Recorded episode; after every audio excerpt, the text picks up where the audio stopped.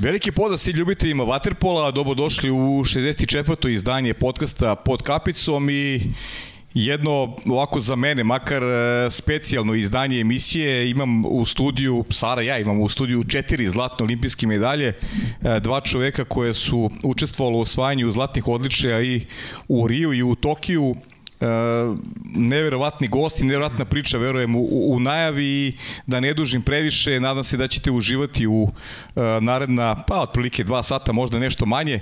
Malo ćemo proći kroz ono što se dešavalo pred početak olimpijskih igara, govorit ćemo o, o olimpijskim igrama u Tokiju i pričat ćemo naravno onome što se dešava u klubskom srpskom vaterpolu.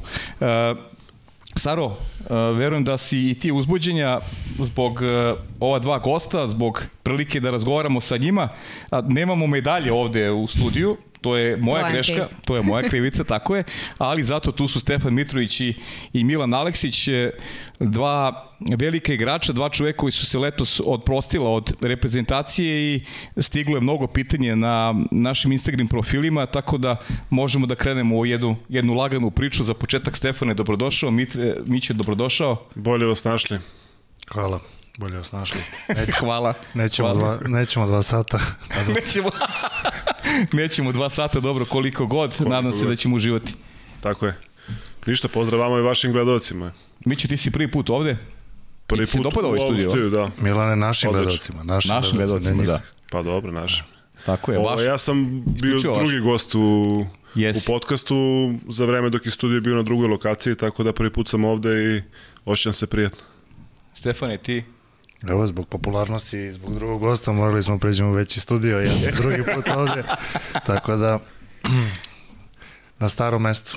Momci, e, Bila je ideja, Mitre, ti si mi obećao još kad, ste, kad su završene olimpijske igre da ćemo da se okupimo veće društvo ovde. Potpuno razumem, znam da ste imali ovaj, i velika slavlja i uh, vi ste vrhunski sportisti. Dragan Andrić mi ovde u studiju rekao da su oni Igor Milanović bili prvi sportisti iz Srbije koji su volili dva olimpijska, dve olimpijska zlata. Evo, sada ste vi ti koji ste nastavili taj niz i uz Milicu Mandić predstavljate zaista piramidu srpskog sporta i meni je to posebno drago jer je, jer je vaterpolo u pitanju, ali aj za početak, ono što me zanima, kako ste se pripremali za olimpijske igre? Ti si imao veliki problem u Grčkoj 2020. nije se igralo zbog COVID-19, manje više bio si, bio si bez kluba, vratio si u Partizan da bi negde održavao formu za 2021. Kako si se osjećao u tom momentu, u tom nekom, da kažem, tom pripremnom periodu za ono što te čekalo kao, kao neka kruna karijere, e, što je podrazumelo to, to, to odbrana olimpijskog zlata? Prvo, mala, mala digresija na ovaj uvod. Kad Ajde. si rekao da, da si obećao da ćemo se skupiti, mm -hmm. obećao si takođe kad je gost bio jedan tu direktor iz jednog sportskog kluba. Dobro. Da ne imenujem direktora, klub mogu, da ću ja da budem taj koji će da vodi emisiju postavlja pitanja. To, Tako to si mi oduzeo, ali nema veze. Upravo si. Hrišćanski je praštati. Hvala ti. A što se tiče o pitanja e, vezano za olimpijadu, jeste do, dosta težak period. Grci su malo to je slasti tvrđe reagovale na celokupnu situaciju oko COVID-a, ograničena je bila kretnja, sport je bio po meni dosta tu e, nepravično e, razlučen na sport e, vezan za košarku i, i, i futbal koji su mogli da nastave neke trenažne aktivnosti, ostali sportovi su bili bukvalno zabranjeni, nije bilo moguće nikako okupljanje, amatersko bavljanje sportom, tako da izuzetno jedan težak period. Za mene i zanimljiv jer prvi put sam se našao sa porodicom sa dvoje male dece zaključano kući na jedan duži vremenski period i ne mogu da kažem da je bilo lako. Imalo je naravno svojih mnogo lepih trenutaka, ali e, sa, sa te neke profesionalne sportske strane je bilo teško i zato sam i odlučio da, da raskinem ugovor sa e, u tom trenutku ekipom za koju sam igrao i vratio sam se u Srbiju i definitivno mislim da sam uradio e, jedan dobar korak u tom pravcu, to jest da je odluka bila ispravna. Uh -huh. Mićo, ti si u Barceloneti igrao klub koji se borio i za titulu prvaka Evrope sa negde punim pravom. Uh, figuristali ste i kao možda najveći favoriti za osvajanje titule, možda ne baš kao najveći, ali ste bili u toj grupi najvećih favorita. Kako si ti uh, doživeo taj prelaz između 2020 i 2021. Uh, da li je ekipi odgovaralo to što su olimpijske igre pomerene? Kao što većina sada misli ili je možda vama starim igračima to dodatno otežalo da držite taj neki tonus, fokus još godinu dana što, što zaista nije lako, pogotovo zbog činjenici da ste već u, u, u Riju ostvarali ono što su, što su bile vaše ambicije? Pa, gledajući s ove vremenske distance, iz moje lične perspektive i priče između nas samih, mislim da definitivno prošle godine, odnosno 2020. ne bi uspeli da budemo spremni na ovom nivou kao, kao što smo bili uh mhm. -huh. ove, o, ove godine. To, to je fakat, ja mislim da je to, da je to definitivno. Tako da nam je u, u neku ruku ta korona, kako da kažem, dobro nam je došla ta, ta pauza. Mhm. Sagledavajući sve činjenice i sve stvari koje su nas pratile kroz ceo taj kroz ceo taj period, mislim da, mislim, rezultatski se na kraju pokazalo mm. tačno, ali nekako sve, to, sve, se, sve se pogodilo da nastupamo na olimpijskim igrama, odnosno u Tokiju, u najboljem mogućem trenutku za nas i za našu celokupnu ekipu. Jer svako u svom klubu ima drugačiju situaciju, bili smo raštrkani pa smo bili u jednom momentu u Srbiji, svi zajedno trenirali, ali jednostavno negde se i osjećalo da nije to to, nije, bila je nedefinisana cela ta situacija, šta će biti, kako će biti, mislim da je dobra stvar, mislim, realno i druge reprezentacije manje ili više su bile u sličnom, sličnom problemu, tako da, ali na kraju krajeva definitivno je po nas ispalo bolje što su olimpijske igre odložene za, za godinu dana. E, momci, pre nego što Sara ovaj, uzme, uzme reč, ono što me, što me strašno zanima, uh, osvojiti osvojiti olimpijsko zlato je, je san svakog sportiste. Vi ste to uradili uradili u Riju. Koliko je vama dvojci bilo teško? Da li ste pomislili tada posle Rija, ljudi, ajde, dosta je bilo, uradili smo sve što smo, vi ste osvojili sve druge trofeje i svetske titule, evropske titule, imate, bili ste i, i osvojili ste i klubske sve trofeje. Koliko je bilo teško da izdržite još taj jedan olimpijski ciklus i kažete sebi, ok, spremni smo na, na neka nova odricanja, nemamo slobodno leto, ali želimo da, da ponovimo taj uspeh na olimpijskim igrama i da osvojimo još jedno zlato. Ok, sada je to još jedno zlato, ali ne možete vi da znate šta će se događati u perspektivi. Ali ono što mene zanima, koliko, koliko ste bili spremni na to odricanja i kako ste sebi naterali da, da, da, da ta odricanja sprovedete, da sprovedete u delu? Pa mislim da je ključna Milanova rečenica da nam je odmor od Waterpola dobro došao. Uh mhm. -huh. Tako da mislim da, da smo se nakupili dovoljno motiva i bili smo spremni na sva moguća odricanja koje su to tražilo od nas i mislim da definitivno, iako se možda Dejan Savić, crtica debeli, smeje na sve što mi, smo mi rekli, a to je da definitivno da smo imali možda najjače pripreme ikada, da smo mnogo jače trenirali fizički nego evo 2016. kad smo se pripremali za Rio, evo Miće. Pa logično, bili smo da... pet godina stari. Da, da. da. Samo. Da, mogli smo to mnogo brže, jače i bolje. da, jače i bolje. ovaj, šta god da se desilo to leto, to jest ovo leto sad 2021. za Tokio, nekako smo bili spremni da izdržimo i znali smo da je to za određen broj igrača u ekipi poslednje takmičenje i nismo se obazirali, dali smo zaista sve od sebe i mislim da smo sa te strane nagrađeni eto sa, sa olimpijskim zlatom i nismo mogli bolje da završimo tu neku reprezentativnu priču. A kaži mi preko špeću Rebiću, koliko si e, ti lično Šta si pomislio posle, posle Rija? I si rekao sebi, ok, deću više, uradio sam sve. Ka, kako si motivisao sebe da, da ideš dalje kada pričaš o prestaciji? A ja sam 2012. od 2012. opraštam od reprezentacije. to, to znaju mnogi iz mog okruženja, ali definitivno posle Tokija, mislim i za vreme Tokija, taj stres, zadnja ta četiri dana nespavanja i svih tih nekih stvari, iz ove sad perspektive kada osvojiš zlato nekako se to gledaš kao neke pozitivne stvari, neka slatka sećanja, ali to zaista nije lako proći i ljudi koji nisu sa nama tu na licu mesta ne znaju stvari kroz šta mi sve to prolazimo, ne samo za vreme olimpijskih igara, nego i za vreme reprezentativne karijere, mnogih nekih uspona i padova. E, definitivno ja sam znao za vreme toke da je to moje poslednje takmičenje da jednostavno sebi ne mogu više na psihičkom nekom nivou da, da priuštim te stvari a da ne kažem i na fizičkom ovaj, tako da, da Tokio ostaje u jednom prelepom sećanju i ne bih mu se vraćao ponovo. Mićo, ti? Pa, posle 2016. godine, ja sad imam u tom momentu 30 godina. Realno, za jednog sportistu, mislim da je to, da su prave, prave godine.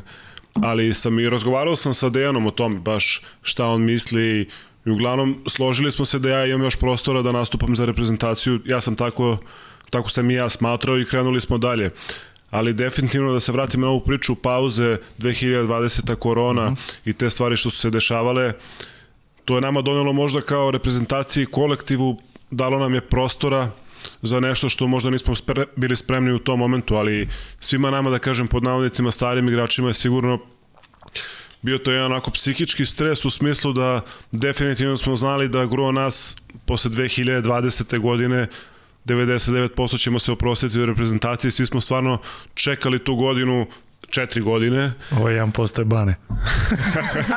da. da, I, do, da. I, on, I onda ja. smo bili možda u nekom momentu da kažem onako razmišljali smo još jedna godina sticajem okolnosti, ne našom krivicom, ali smo vremenom shvatili da nam to donosi dosta ta, ta pauza kao što se, kao što se ispostavilo. U svakom slučaju, mnogo lepih momenta, mnogo stresa, mnogo napornog rada i onako na kraju što je rekao Mitar kad se ovako završi nema tu mnogo neke, neke priče nije, nije, nije, nije moglo bolje nije moglo da bude bolji moment definitivno tako da moramo da budemo zahvalni Bogu što je sve tako isparo na, kraj, na kraju i svim ljudima koji su učestvovali u tome. Mhm. Uh -huh. Sad hoćeš ti, pošto ja imam nešto da im prenesem ovaj šta je, šta je Deki pričao o, o njima dvojici, a, ili imaš ti nešto da... Da, da, da... da pa pričat ćemo sigurno o Dejanu Saviću, ali ja bih odmah prešla na te utakmice koje su možda obeležile Ajde, tu prvu može. utakmicu protiv Španije, poraz i protiv Hrvatske, možda to su ta dva poraza u grupnoj fazi o, i bilo bi lepo kada bi mogli da, da uporedimo grupnu fazu u Tokiju i Riju. Kakva je atmosfera u uh, samoj reprezentaciji uh, kako vas Dejan Savić savetuje u narednim utakmicama, pa evo, ko će prvi? Sve jedno, mogu i ja. Mogu i ja. Ajde. Ti stariji, pa, ti. što se tiče... Biće stariji, a? Jeste, a? Pa izgleda stari. A izgleda stari. pa da, zato, zato te je pitu da sam stari. da, da. A zna ko se više namuči. izgleda stari, dobro. Ovaj, konkretno što se tiče Tokija Aha. i tih problema u grupi nekih možda ovako za širu javnost ne, neželjenih pruženih partija od strane reprezentacije Srbije. E, taj deo priče i smo prošli, mnogo je stresnije bilo u, u Rio, da. recimo, da. gde smo bili u jednom naletu, stvarno dve godine pred Rio, gde smo bili nezaustavljivi od početka do kraja svakog šampionata i nekako smo u tom momentu bili u nekoj, da kažem, u novoj situaciji gde jednostavno nam nije išlo. I završilo se kako se završilo, da sad se ne vraćamo na to. Uh, definitivno se u Tokiju vraćamo u sličnu, da kažem, neku situaciju, ali po meni ja lično sam to doživeo sa mnogo manje stresa jer sam imam poverenje u saigrače, u ono što smo radili celo leto i pre svega svi smo zajedno imali jedno dragoceno iskustvo Rija u kontekstu da nije bilo neke prevelike panike, znali smo da svako četvrtfinalna utakmica odlučuje mnogo toga i da je to u stvari prva utakmica koja je stvarno, stvarno uh, važna i posle koje nema nazad. Bilo je alarma, bilo je situacija na koje je morala se obrati pažnja i da se ispravi u hodu, ali svakako je mnogo bila prih, prihvatljivije i cela atmosfera u odnosu na isti moment u, u Riju. Tako da znali smo da te utakmice ili da kažem pod navodnicima neke naše loše partije samo mogu da nam daju jedan plus sa svim iskustvom i radom koje smo imali do tada i iz moje lične perspektive onako nisam imao taj nervozu i stres na tom nivou prethodne olimpijade ali sigurno nam je poslužilo da budemo bolji u nastavku takmičenja, to definitivno i ne znam da smo bili uljuljkani nekim dobrim partijama ili laganim pobedama u grupi, da li bi mogli da izvučemo ovo sve što se desilo mhm. kasnije. E, a, a kaži mi ovo, Mitre, e, e, nekako to je sad pogled sa strane, sad ne znam koliko, koliko je ta pogled dobar. A, te utakmice koje su bile važne u grupi, to su Australija i Crna Gora, to, to ste odigrali a, sjajno, kao, kao da je tu postao neki, neki dobar balans a, a, onoga što a, odigrati kada treba i možda se malo i sačuvati utakmicama koji nemaju takav taj rezultatski značaj. To je makar, eto, kažem, utisak, pogled sa strane, to vi najbolje znate kako je izgledalo u praksi. Pa, ja bih to drugačije možda malo formulisao. Mislim da e, u tim stresnim utakmicama smo pokazali u stvari naš, naše pravo lice, jer nije bilo nazad i morali smo da budemo najbolji. I mislim da da nam je falilo malo toga, da, da osetimo neki pritisak, kao što tiče ova dva poraza, potpuno dva, dve različite utakmice, prva utakmica na turniru proti koga god da igraš i sa slabim protivnicima je ipak prva utakmica na turniru i treba u, ući u nju maksimalno i imali smo možda za nas i najtežeg protivnika. Možda i za generacijski nekoga ko nam je najteže pao. Igrali smo sa, sa, sa Španijom, utakmica završila kako se završila. Mislim da, da mi nismo toliko odigrali loše tu utakmicu koliko u nekom segmentu smo pali, a to je u odbrani. Broj primjenih golova je bio veliki. Što se tiče utakmice sa Hrvatskom, ta utakmica je došla posle jedne izvaredno odigrane partije gde smo mi u stvari osigurali prolaz u knockout fazu i možda sa malom zadrškom da su neke stvari rešene, nismo ušli kako smo trebali u tu utakmicu. Hrvati su to iskoristili Međutim, i taj poraz nam je značio, e, jer posle toga je došla jedna Crna Gora koja sigurno e, kao ekipa je slabija od, od Hrvata i kroz utakmicu opet smo pokazali neki put i stav koji smo trebali da imamo od, u, u periodu kad će nastupiti te utakmice ono kao fazi. Tako da, porazi uvijek dobro dođu. Mislim da smo ih mi ovog puta iskoristili uh, na najbolji način, da, da smo shvatili pouku iz poraza i sve dok je tako, to je dobro. Ono, ako nije tako, onda Tokio ne bi bio zlatan. da. Da, sad bih samo nadovezao na ovu priču u smislu da je ekipa koja mi smo bili druga najstarija ekipa, čini mi se na olimpijskim igrama i koja je osvojila sve što je osvojila, imala takav kontinuitet poslednjih 10 10 godina ili možda čak i mm. više, nije ni lako motivisati za neke određene utakmice koje jesu važne, ali znate da i bez tih utakmica idete dalje i ne birate protivnika u četvrtfinalu, jednostavno nama je stvarno bilo sve jedno sa kim ćemo da igramo i onda taj psihološki moment koji Dejan stalno napomene je jako bitan e, za stariju ekipu, jako je teško motivisati na jednom takmičenju, odnosno od momenta kad smo mi otišli u Japan, to je neke tri nedelje, možda i više, da. smo bili tamo uh -huh. u mhm. kontinuitetu. Mislim da je to on vrhunski odradio, iskalkulisao i ostavio tu energiju za, za momente koji, koji su stvari bili važni. Da, i ono što je važno, to, to, to smo pričali ranije, uh, ono što je postaje negde, da kažem, uh, neka karakteristika srpskog vaterpola igrača koji razmišljaju način da im potpuno nije bitno s kim će da igraju, nego da se fokusiraju na sebe i na, i na svoje partije, što da. recimo Rio je bio klasičan primer kako ljudi da. beže od Srbije gde je taj neki psihološki da. moment koji je bio, gde je bio jako važan, a sada i vi takođe imate mogućnost da birate to, baš uopšte vas ne zanima s kim igrate, nego pa jednostavno se sebe, tako da. namesilo da ova reprezentacija ima dosegla taj nivo kvaliteta individualnog i kolektivnog da mi stvarno ako smo pravi i onaki kakvi smo treba da budemo i kao što smo pokazali prošli više, više puta, stvarno ne, nemamo razloga da da brinemo o drugima mm -hmm. i u, u tom slučaju izgubimo, možemo samo da čestitamo protivniku. Mhm. Mm Mitre? Ja ne bih ništa dodao. Dobro. Četvrtfinale protiv Italije, tu nije bilo mnogo problema, ali imamo to famozno polufinale protiv Španije i taj trenutak vara gde je presuđeno u korist Španaca. Kakva je atmosfera u tom trenutku uh, u bazenu? Kako se vi nosite sa, sa tim Pa ne znam kako bih rekao. Mi ovde pored malog ekrana doživljamo stres. Pa dobro. Iskreni, najiskreniji stres, znači neka neke neke loše vibracije, psovanje u ekran i tako dalje, to je nešto što što je što se ne snima. Pa što se ne snima, tako, ali to je prosto tako. A a vi ste ti koji morate da ipak da izvučete iz toga neku pozitivu, neki maksimum, stvarno taj taj mentalni sklop vaš meni je meni je neverovatan zaista. Da. Da, pa Evo, može. Ajde, pričaj, ja sam za priču. ajde, ajde. Ajde, neka. Ajde, ajde. Pa mislim i taj mentalni skop o kome pričaš nije nešto što jednostavno nastane, to je nešto što se gradi godinama i koje definitivno iskustvo nekih situacija ne može to ne može da se nadomesti u smislu neke priče ili kao kao dogovor jednostavno kroz neke momente mora da se prođe da bi se došao do tog nivoa svesti i razmišljenja, odnosno onog što je najvažnije koncentracije u tim najvažnijim, najvažnijim trenucima. Što se tiče konkretno Španije u zadnjih par godina i po rezultatima i ovako generalno oni imaju stvarno odličnu reprezentaciju, sve u redu, ali nama jednostavno nisu odgovarali.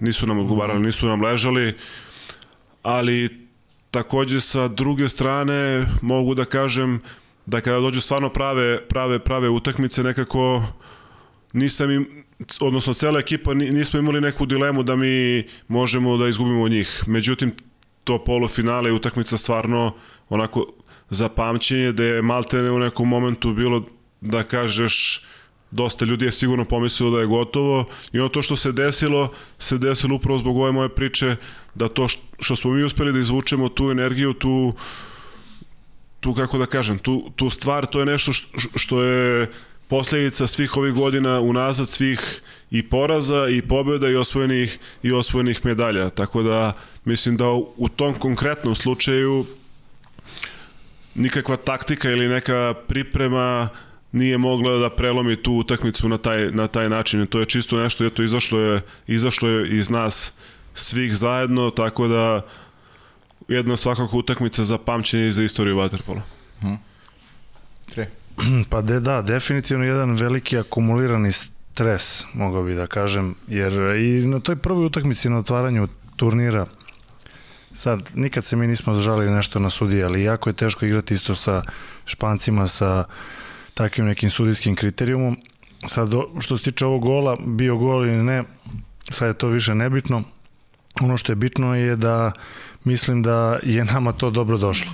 Uh -huh. I mi smo u tom nekom trenutku doživjeli ogromno emotivno pražnjenje i u tom trenutku mislim da su se Španci uplašili te neke na, naše reakcije, videli su neku našu možda i novu stranu koju do sad nisu uspeli da vide iako nam je to neki stari protivnik i mislim da, da su oni u tom trenutku po prvi put možda promenili tu neku svoju psihologiju i pomislili da možda oni sigurno neće dobiti tu utakmicu jer videli su sa druge strane ovaj momke koji su zakrvavili, koji su svašta izgovorili.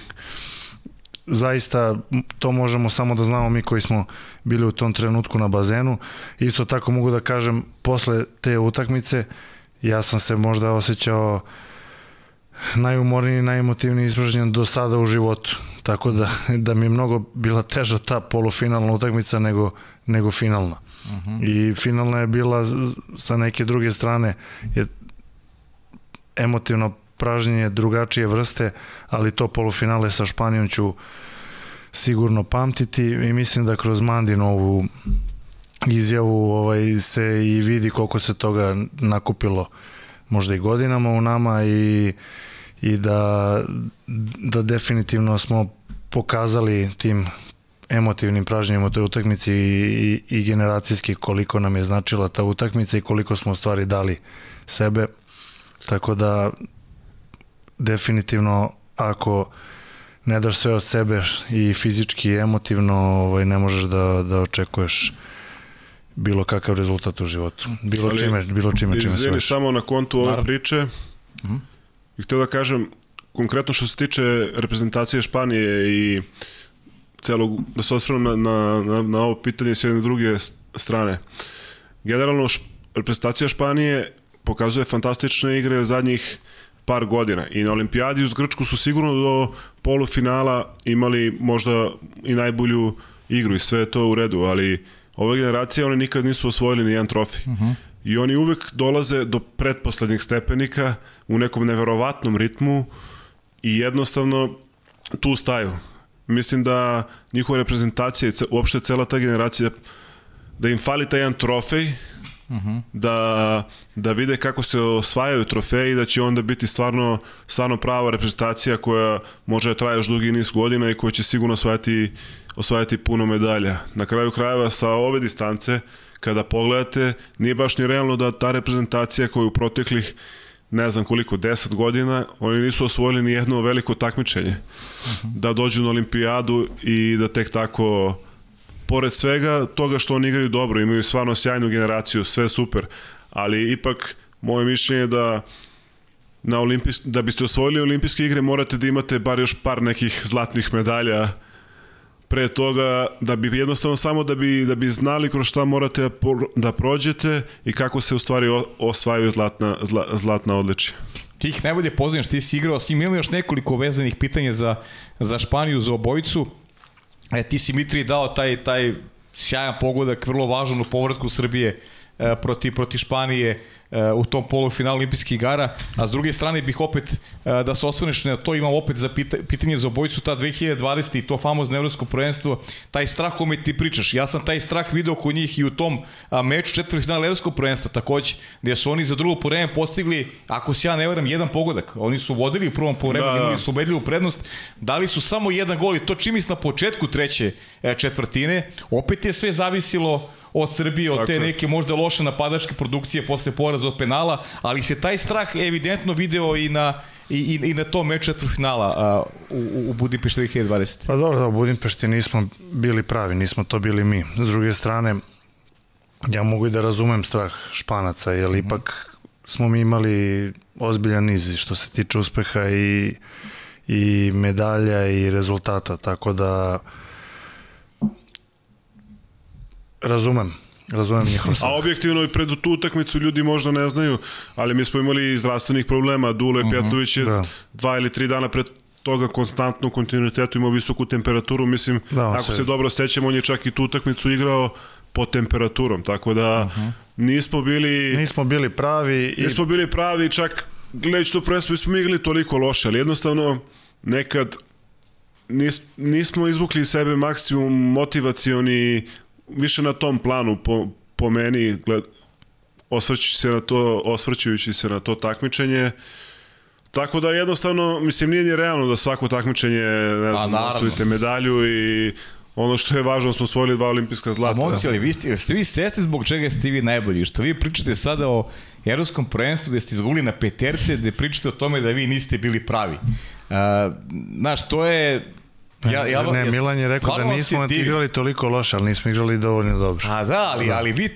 vi stalno i kad izgubite tražite opravdanje u sebi. Nikad vam nije kriv, ne znam, neko što nije pustio vodu iz bojlera. Tako smo dresirani. Da, da, tako ste dresirani, da, odlično ste dresirani. Zato jeste najbolji, da, to je to. Je to. A Španija, Španija, sve je počelo od Španije. Mićo, I... generacija 2009. Ovaj ovde se izvukao, da. bio je bolestan, pa je otišao. Pa eto, i tu smo u grupi, u tu, i tu smo u grupi 2009. izgubili Da, prvu utakmicu, da. da. Da, mislim, nećem sad tačno, mislim sa dva ili tri gola razlike, ali dosta onako lagano. Uh mhm. -huh. da. Tako da, oni su stvarno imaju i nesreću, da, moram to da kažem, oni su izgubili tri finala, tri finala na, na peterci, znači 2009. to u Budimpešti protiv Mađarske i 2018. u Barceloni sa nama kad smo mi postali evropski prvaci, stvarno s te strane nisu imali sreće. Misliš da je to nesreće ili, ili prosto Ja bih to podao da. ipak pod kvaliteta, ne pod, pod nesreću. Pa da. I penali okay. su meći. Okay. Penali su i kocka. A? Lutrija. Misliš da su više ali, pa ima, ima svega, ja ne mogu da, da kažem. Ja bih lutrija, ali ne 100%. Da. Ne 100%. Da. Mislim, da je samo 50-50 i nije, ali, pa, da. A, ali da je sve do kvaliteta nije baš ni do toga, tako da neki balans, nemam pojma, ali ti si u pravu to što kažeš, da nije baš to sreće do kraja, nije okej. Okay ali nije ni garantovano ako si bolji, ne znam, šuter, igrač, da ćeš da sigurno pobediš. Pa, ne mora da znači. psihologija. Ali da, broji se kvalitet i u tim momentima i psihološki moment i, i naravno kvalitet. Mm. Mitre, tebe nije bilo u tom Rimu. Da, ja sam dobio ovaj, da. posle utakmice sa Španijom koksaki virus. Toko mu je teško palo. Da. ovaj, Što te proziva, Miće? I to veče sam dobio temperaturu da, 40 znam. i zauške, imamo je tamo bio 7 dana u bolnici, pa sam i neki period oporavka sam imao par meseci. Mislim, dobro sam prošao, mogao sam da završim u tom trenutku karijeru, s obzirom da, da. da sam zaista ozbiljnu bolest imao, ali mislim da i to izgradilo ne, ovu generaciju i možda zvuči ovako ili onako, ali možda ih je ta moja bolest i ostalih je 12 skupilo malo više. Uh mhm. -huh. Oni su zaista dali i više od svog maksimuma. U tom trenutku neka na početku otpisana odmah generacija posle one velike generacije koja je bila do, do, do Pekinga. Niko zaista nije očekivao od tih novih momaka koji su u tom trenutku zakoračili u svet reprezentacije da, da će da odmah na prvom takmičenju napravi jedan ogroman uspeh. Ali eto, ovaj, kako je počelo, tako se i završilo. Da, ima to simbioza. Ima, ima sigurno neko značenje. Takođe i taj Tokio, ipak smo mi otišli sa blagoslovom patrijarha našega mhm. -huh. Porfirija i, i, i, i nije to tek tako bez veze. Mislim da ovaj, u, u nekim najznačajnijim trenucima imali smo mi tu i malo veću pomoć, ali nije ipak sve do nas. Mhm. -huh. E, to ću pričati o tome kasnije. Saro? Ništa, prelazimo na to finale protiv Grčke. Mnogo se pričalo o toj Grčkoj i da je iznenađenje samih olimpijskih igara. E, sad ono što bih pre, pre same utakmice pomenula jesu, jesu te video poruke porodice i taj gest Dejana Savića, koliko je to uticalo na vas, koliko vas je motivisalo, to niste očekivali, niste znali za to, pa te prve reakcije me zanimaju. Bilo i suza, koliko se ja čuje, tačno, a? Da, pa ja mislim da je to bio realno onako mač sa dve oštrice sigurno. Da. Mi, smo, mi smo imali jedno veliko, veliko emotivno pražnje. Ja se stvarno ono što je Stefan rekao, ne sećam da posle bilo kog trofeja da smo bili baš tako onako ispražnjeni emotivno. Meni Mića priča na španskom posle utakmice. ovaj... Jesi ga razumeo, jesi? Jes. Razumeo šta hoće. Aha, da. da, pa dobro, da. Takav tip. Da.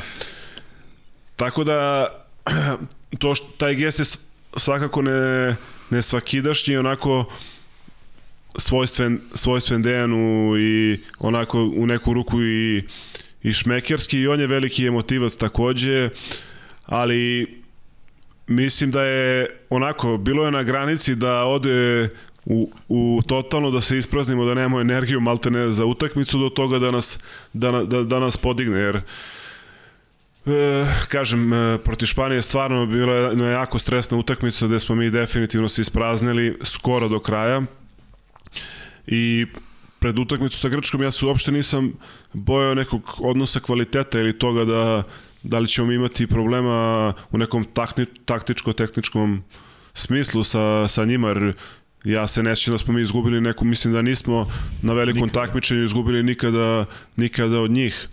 Tako da jednostavno možda nam je falilo energije jer da se ta utakmica možda i lakše, lakše završi bez ikakvog pocenjivanja reprezentacije Grčke koja stvarno igle fantastičan turnir su imali nikada bolji defi, definitivno mhm. -huh. ali mislim da smo ušli sa energijom akumuliranom energijom kao protiv Španaca da smo da smo mogli da dostignemo to definitivno nismo da bi utakmica totalno drugačije izgledala. Tako da u svakom slučaju kad doćete finale bilo koja pogotovo olimpijskih igara najvažnije je da pobedite sa jednim golom razlike makar i u poslednjoj sekundi to te više niko nikad ne pita niti se osvrće na to.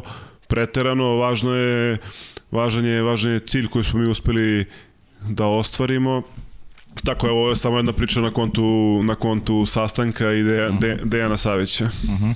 Ovaj, momci, ja sam uz vas toliko zavoleo vaterpolo, nikad ovaj, nisam uh, imao kontakt sa sportom kao, kao kao sportista, u stvari kao nisi se bavio ti sportom, ali mnogo vas voli, mnogo vas poštujem i ono što sam zapazio, recimo ta Grčka, bio je taj jedan period E, kada je Deki tražio taj malo, to nije interesantno kada je Grčka napravila kao neku minu seriju, ali ona, ona četvrta četvrtina, ti igraš final olimpijskog turnira i ona četvrta četvrtina je Grci daju gol, onaj uvodni gol na, na otvaranju i onda ona tri vezana pogodka, neka klinika i napadačka i odbrbena što je e, mislim da najbolje ta četvrta četvrtina oslikava kompletnu generaciju koja je najbolje u istoriji, u istoriji sporta. Mislim na vašu generaciju kada je bilo najvažnije u svim segmentima napadačke obravenost odigrali fenomenalno i, i stavili onako šlag, šlag na tortu. Pa moje mišljenje je da su imali velike sreće što smo igrali sa, sa Grcima u finalu, zato što su oni samim plasmanom u finale napravili najveći uspeh u istoriji. I sigurno da je došlo do ogromnog samozadovoljenja kod njih.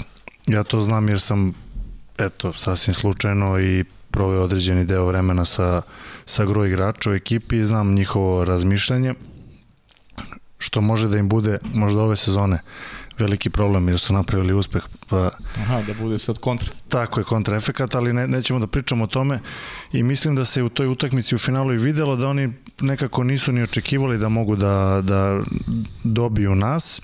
Jednostavno uživali su u tome što igraju finale, bili u neku ruku rasterećeni. Uh, imali su možda i najbolji turnir u istoriji za njihovu generaciju sigurno i uopšte za Grke fenomenalan turnir i oni i Španci su bili iz, izuzetno ovaj ispred ostalih svih e, ekipa sa nekim kvalitetom igre. Međutim i, i, i mi smo zbog te emotivne iscrpljenosti i svega nismo mi bili pravi i mi, da, da nam je došla neka mislim glupo reći ozbiljnija uh, reprezentacija da smo igrali možda sa nekom Mađarskom ili pa, Mađarska, opet da. s tom Hrvatskom, da kažem i sa tom Španijom u finalu, a, a da, da način na koji smo igrali i energija koju smo dali, zaista smo bili emotivno iscrpljeni. Mislim da smo to... više povedali na autoritet tako u odnosu na Grke tako nego, je, na, uh nego na, ne znam, na kvalitet tako u tom je, da, momentu. Tako da imali smo i sreće, ali opet malo nam se i, i vratilo, mislim da smo to i zaslužili. Pa dobro, šta četvrt četvrtina je bila kvalitet, stvarno. Pa jeste, to, to dobro. To videlo, da. evident. Pa jeste, mi smo definitivno kvalitetniji od Grka, ali ti treba svakom utakmicom da pokažeš da si kvalitetniji od nekoga. Ime na papiru ništa ne znači. Mm. Dobro se savršilo, ne bih ništa menjao. da, da, da. Tako da, da Tokio je bio jedan zaista lep turnir, nespecifičan, mhm. -huh. nije bilo publike, ta korona je promenila Misliš mnogo toga. Kako? Misliš specifičan? Specifičan, šta sam rekao? Nespecifičan. Kako? Kako? Kako? Specifičan. Specifičan? Da. Specifičan, da. Rekao je nespecifičan. A nespecifičan. Ne, ne, re, dobro. greška, greška, nema veze. Greška, pa dobro, da. nema veze. Eto vidiš, on se vata za male stvari. Pa da, on ti traži grešku, on ti lovi u, gre, lovi da, tu grešku. Pa, Ko zna šta ti lovio, kakve greške ti lovio u Tokiju? Nego neće da Nisam kažem. imao nekih velikih grešaka tamo, da. Ništa, ništa. Nisi, imaš onaj gol, onaj, onaj. Ne, ja bih rekao sve da... Koliko da, sam skočio na onaj gol? Da. A? Da ti bih rekao, naravno.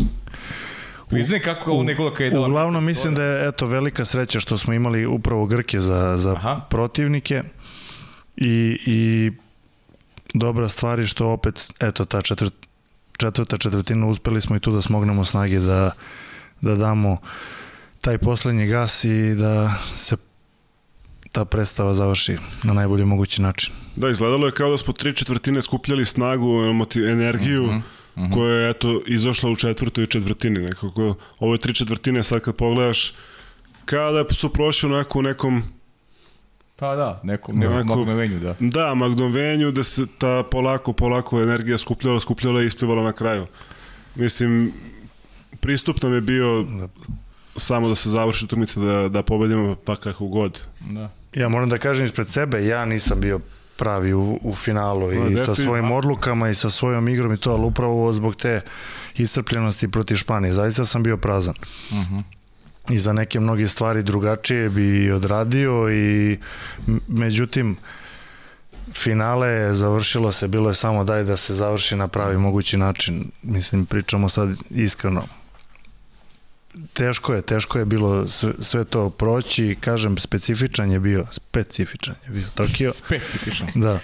E, sa koronom bez publike, maske, testovi, nadam se da, da, da eto, na sledećim igrama neće biti to covid niti nekog novog virusa, da će publika moći da prisustuje, jer zaista igrati pred praznim tribinama jedno olimpijsko finale, polufinale ili bilo koju utakmicu, da. malo je drugačiji doživljaj i ne pripada sportu. Da, i to je teško se pripremiti za, za Mislim, pripremaš se ti, ali nije, nije, nije to to kao... Da pa jedina, pod navodicima, prednost toga je što smo manje ili više svi celu sezonu odradili bez publike, pa eto da kažeš kao ni, znali smo kako to izgleda, uh mhm. -huh. samo to uh -huh. mogu da kažem, ali definitivno, definitivno to nije to nije dobra stvar, mislim i sport se igra i zbog publike i zbog ljudi koji to prate, a ne da bi se igralo u praznim halama, stadionima ili ne znam nija šta već ne znam, nekako ok, možda olimpijada kao samo takmičenje i manifestacija imaju neki veliki značaj, ali sport se igra zbog ljudi, zbog publike, tako da mm. bez njih ne vidim neki preveliki smisao svega, svega toga. Mm. E, emocije, ovi, ovi mladi, ovi mladi koji su stasavali uz vas, mnogi su ovde pričali koliko su rolu uzeli Jakša, Manda, stvarno su bili onako na, na, na vrhunskom nivou kao što jesu generalno, a, nekako su Rio taj prošli period negde stasavanje uz vas, pa su polako počeli preuzimaju glavne role. Kakav je, kakav je vaš utisak ovaj, Ne, neću pa. kažem koliko su pomogli, nego... Da. Ali pazi, ta priča traje mladi mladi već dugo godina, tako pa, da više da. ovi nisu mladi, nisu mladi više, nego smo pa, mi da. maturi. Pa nekako je, mislim da i sad mogu tome da pričam, ali Aha. pričali smo mi stariji o tome da mi treba da u stvari maksimalnu podršku pružimo njima i da su oni ti koji su no, vodeći igrači u ovome trenutku i mislim da su i pokazali u Tokiju kolika su snaga bili uh, za, za sve nas. Suština reprezentacije jednog reprezentativca jeste da se podredi ekipi. Uh mhm. -huh. ovaj, svi mi imamo različite uloge u klubovima i različite role, ali kad dođeš ipak u reprezentaciju ne može da bude 13 glavnih igrača, 13 šutera, ne znam, bilo čega drugog i da u stvari pravi igrači se podrede ekipi i rade ono što je u datom trenutku potrebno da, da, da ekipa u stvari se pokaže u, u pravom svetlu. I, i, i zato i mislim da, da možda neki igrači koji su na proteklim turnirima bili glavni strelci i, i ne znam, najbolji e, dodavači, potrošači lopta, je tako da kažem, su, su pravi znalci vaterpole, ljudi koji prate, će videti u stvari koliko su se podredili ekipi i da nekako i jeste svetlo palo na, na, na te neke mlađe koji, koji će sada biti nosioci reprezentacije definitivno i, i to u stvari jeste suština naše generacije. Uh mhm. -huh. Da taj ego. Ovaj, svi, svi mi imamo ego, Tako je. definitivno, ne bi bili tu gde jesmo da mhm. nemamo ego i međutim podredili smo ga ekipi, stavili smo se u, u funkciju ekipe debeli dosta puta na tome i, uh -huh. i mhm. u stvari Što ga zoveš debeli? Pa zašto je mršao? zašto je mršao? da, zašto je mršao? ovaj, on i potencira upravo na tim nekim stvarima i u stvari to je naša i najveća snaga naše, naše da. ekipe. Svi znaju da igraju waterpolo, veština je prisutna ili nije Mislim da je više ili manje. transformacija uh mhm. -huh. naša gde recimo 2015. 16 neki igrači koji su bili vodeći u tom trenutku imali mnogo značajniju ulogu su vremenom uspeli da se prilagode celoj situaciji da bi došli u, u Tokio gde su totalno ulogu u tom momentu mlađih igrača koji su izrasli u jedne vrhunske svetske asove prepustili im onako da oni iznesu sve to i mislim da je tu da je tu veliku ulogu imao Dejan i da je mhm. to, složiš sa mnom, to, e, to se ne dešava često u vrhunskim sportskim ekipama. To se ne sa, dešava, re, to sa, se redko dešava. To se sa šampionima, sa ljudima koji su osvojili sve, da su u stanju da spuste svoj neki, što je te rekao, ego, ego. i da prepoznaju moment uloge koju trebaju da imaju u reprezentaciji u datom, u datom momentu. Mislim da smo mi uspeli da napravimo taj balans i da je to jedna, onako jedna redkost i prava snaga, snaga ove ekipe. E, izvini, Sara, molim te, ja sam se zaneo, meni je ovo mnogo interesantno. E, 13 različitih sueta, dakle, 13 šampiona, svi stigli u veliki klubima, osvajali trofeje. Kako se to ljudi dešava? Kako uspevate to da, e, da baš zbog toga što nije svojstveno. Nije svojstveno, pogotovo novim prostorima, ali ja znam kad ulazim u priče vezano za, za moj posao, za neke, za neke stvari koji su onako nekad i benigne potpuno, pa ljudi neće da popuste. E, druženje, šta, komunikacija, Ja bi, ja bi samo kratko rekao, bili smo dovoljno pametni da učimo na tuđim greškom. Mhm. Mm Okej. Okay. Potpisuješ šta, ovo, Mit, ovo Mića? Pa ja se slažem s Milanom. znači šta Miće kaže ja ti, amin. Ba ja mu nisam opozicija, mi smo u stranci. Milane, bravo. Tako je. A bravo Mićo, to ste kaže, alo vera, aplauz. Ja mu kažem na bravo. Posle. Da. Pa dobro, aj kaži mi malo, kako si ti to, kako si ti ovaj, sad ti kažeš šta je rekao Deki ovako, za, za, za vas dvojicu, po imaćemo posao segment. Uh, za Mitra, evo sad to prvi put govorim, kaže za Mitra, da ga nema, kaže ja ne znam ko bi mogo da bude Mitar. Kaže morao bi možda ja da budem Mitar. Ambijent, igrački, sve živo. Mića zna, Mići je, Mići ovde javno rekao, ponudimo da bude pomoćnik u reprezentaciji. Tako da obojice onako imate od, od debelog ono u neku ruku zahvalnost veliku za, za vaše role, svakako igračke, a i ne samo igračke, već i one druge. Eto, kažete šta je rekao za tebe. Pa, Kaže, ja ne znam ko je mogu da bude mitar da nije bilo mitar. Pa mislim ima i on našu podršku, nije ni on ovaj, da. bezgrešan i... Ma, naravno. I mi njega podržavamo, zna i on to. Sam, definitivno smo se nekako sklopili i on je došao u nekom trenutku, ljudi zaboravljaju njegov prvi turnir, u stvari da je to jedan veliki neuspeh bio. Da. Ali mislim da je opet i to ogledalo ove generacije da, da smo uspeli iz toga upravo da, da neke stvari vidimo da ne mogu, šta su nam greške, šta su neke dobre stvari. Rasli smo zajedno, izrasli, e, nismo se u suštini menjali, što je bitno, uspeli smo da se izborimo sa, sa nekim ličnim stvarima i mislim da opet e, je najbitnije da je izvršena dobra selekcija. I to, to ljudi zaboravljaju, u stvari da selekcija se pravi u mlađim kategorijama i jedna dobra e, baza koja je napravljena a koja nadam se da će se nastaviti u srpskom vaterpolu je definitivno učinila svoje jer e, nismo se mi našli u, u, u, u seniorskoj reprezentaciji Miće, ako je stariji od mene, mi se znamo, evo, možda i, i, i 20 godina od mlađih kategorija i, i to datira od tada. Tako da mnogo igrača je prošlo kroz reprezentaciju što i u juniorskom e, periodu. E, mnogo možda većih talenata od nas dvojice i od mnogih od nas, ali, ali selekcija je jako bitna i, i, i mislim da je Waterpolo sigurno sport koji obraća pažnju na to. Mi jesmo mali sport, ali smo veliki u, u nekom odnosu i obraćanju, obraćanju pažnje na, na sitnice, a to je ono što je bitno. E sada, e, mlađe generacije su definitivno drugačije od nas. Ja i Ćomi smo se vratili u naš partizan i, i ja sam se vratio u decembru, pa je ovaj, bila je drugačija ekipa, sad je i, i opet drugačije, da ne kažem ide u nekom boljem smeru, ali e, veliki je jaz u generaciji, ali moram da priznam da mnogo je veći jaz u generaciji sada između nas dvojice i neki koji su mlađi 5 ili 10 godina, nego što je recimo bio između nas i Dače uh mhm. -huh. ili Jugoslava.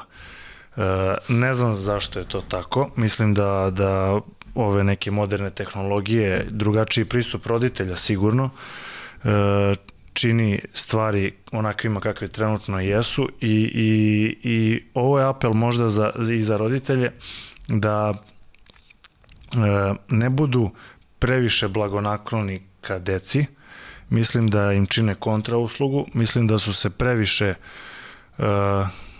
upustili u nešto što im ne pripada, Uh -huh. e, ja i, i Čomi smo i, i upravi Partizana, pa vidimo neke trenutno probleme s kojima se nalazimo. E, vratit ću se u period kad sam ja bio dete. Uh mhm. -huh. e, ne kažem da to tako treba, ali mislim da ono, jednostavno što je dalo rezultate pokazuje da, da su to dobre stvari. Roditelji nisu se uplitali previše u trenažni proces, nisu se uplitali čak e, ni u, u, u pitanje u školi. Ako profesor, e, učitelj kaže da dete nije dobro, možda u dosta situacija, to i nije bio slučaj da, da učitelj nije bio u pravu ili nastavnik. Ali nekako na prvo ono da naš roditelj bi uvek prekorio dete, da ne kažem dao jednu vaspitnu. U današnje doba e, apsolutno se veruje deci.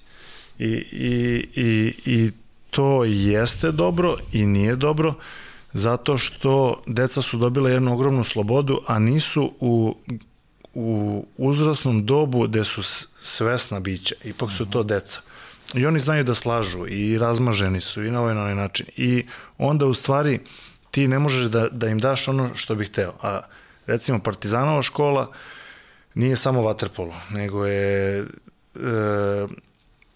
oblikovanje karakternih osobina onoga što mi mislimo da je, da je ispravno i što definitivno jeste u, u pravom smislu te reči, a, a sa današnjom tom nekom omladinom i roditeljima koji bi da učestvuju, koji možda kroz neke svoje e, lične probleme ili stvari žele preko dece da rešavaju što je najgore moguća stvar.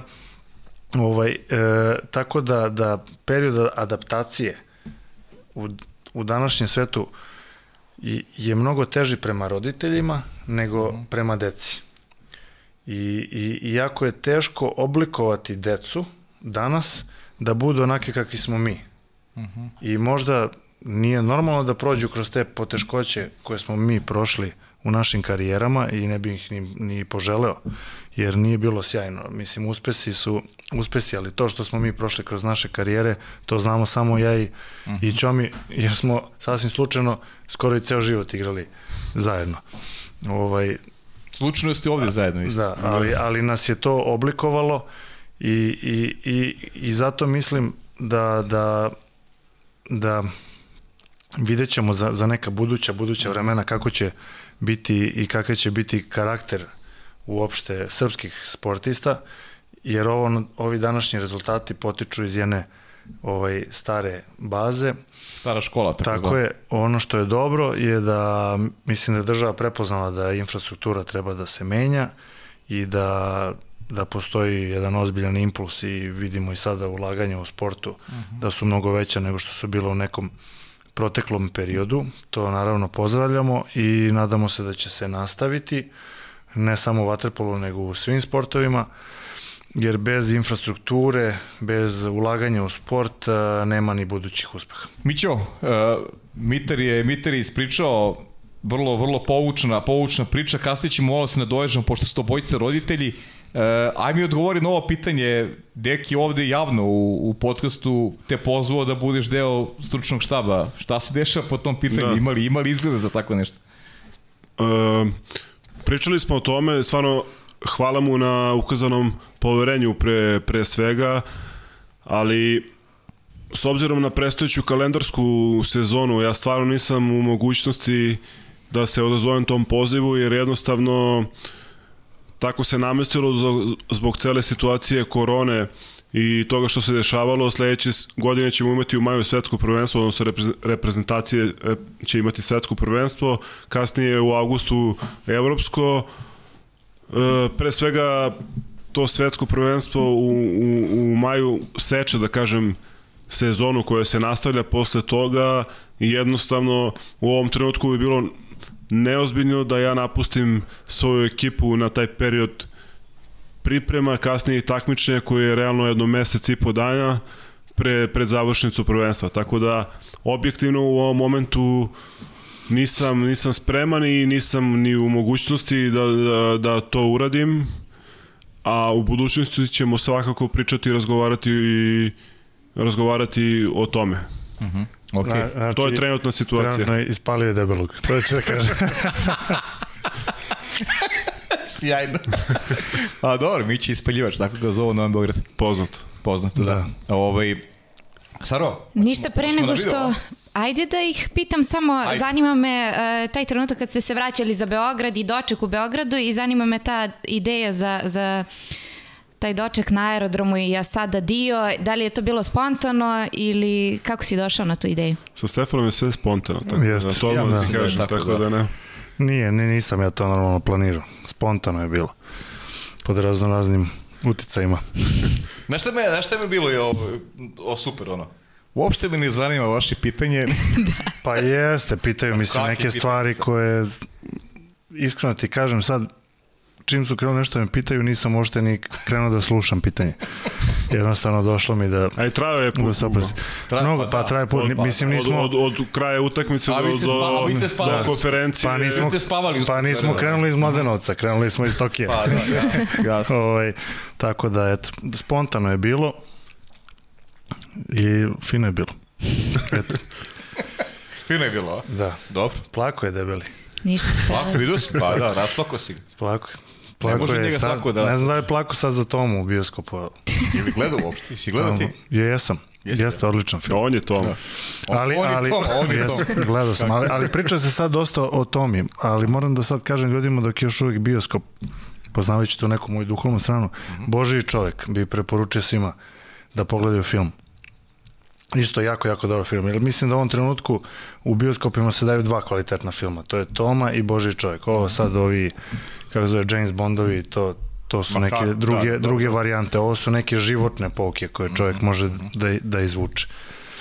Tako Dobre. da, ovaj, eto, preporuka za sve. Jer sam da. ja baš u par dana pogledao i Tomu i Božih čovjeka, to je priča o Svetom Nektariju Eginskom i zaista je jedan moćan film. Ovaj, i preporučio bi svima. Vrlo poštam tu je preporuku, za tomu sam i emotivno vezan, tako da to nije sporno, a ovo ću da pogledam sigurno. Hvala ti. Ništa, sad prelazimo na video pitanje. Možemo, video pitanje.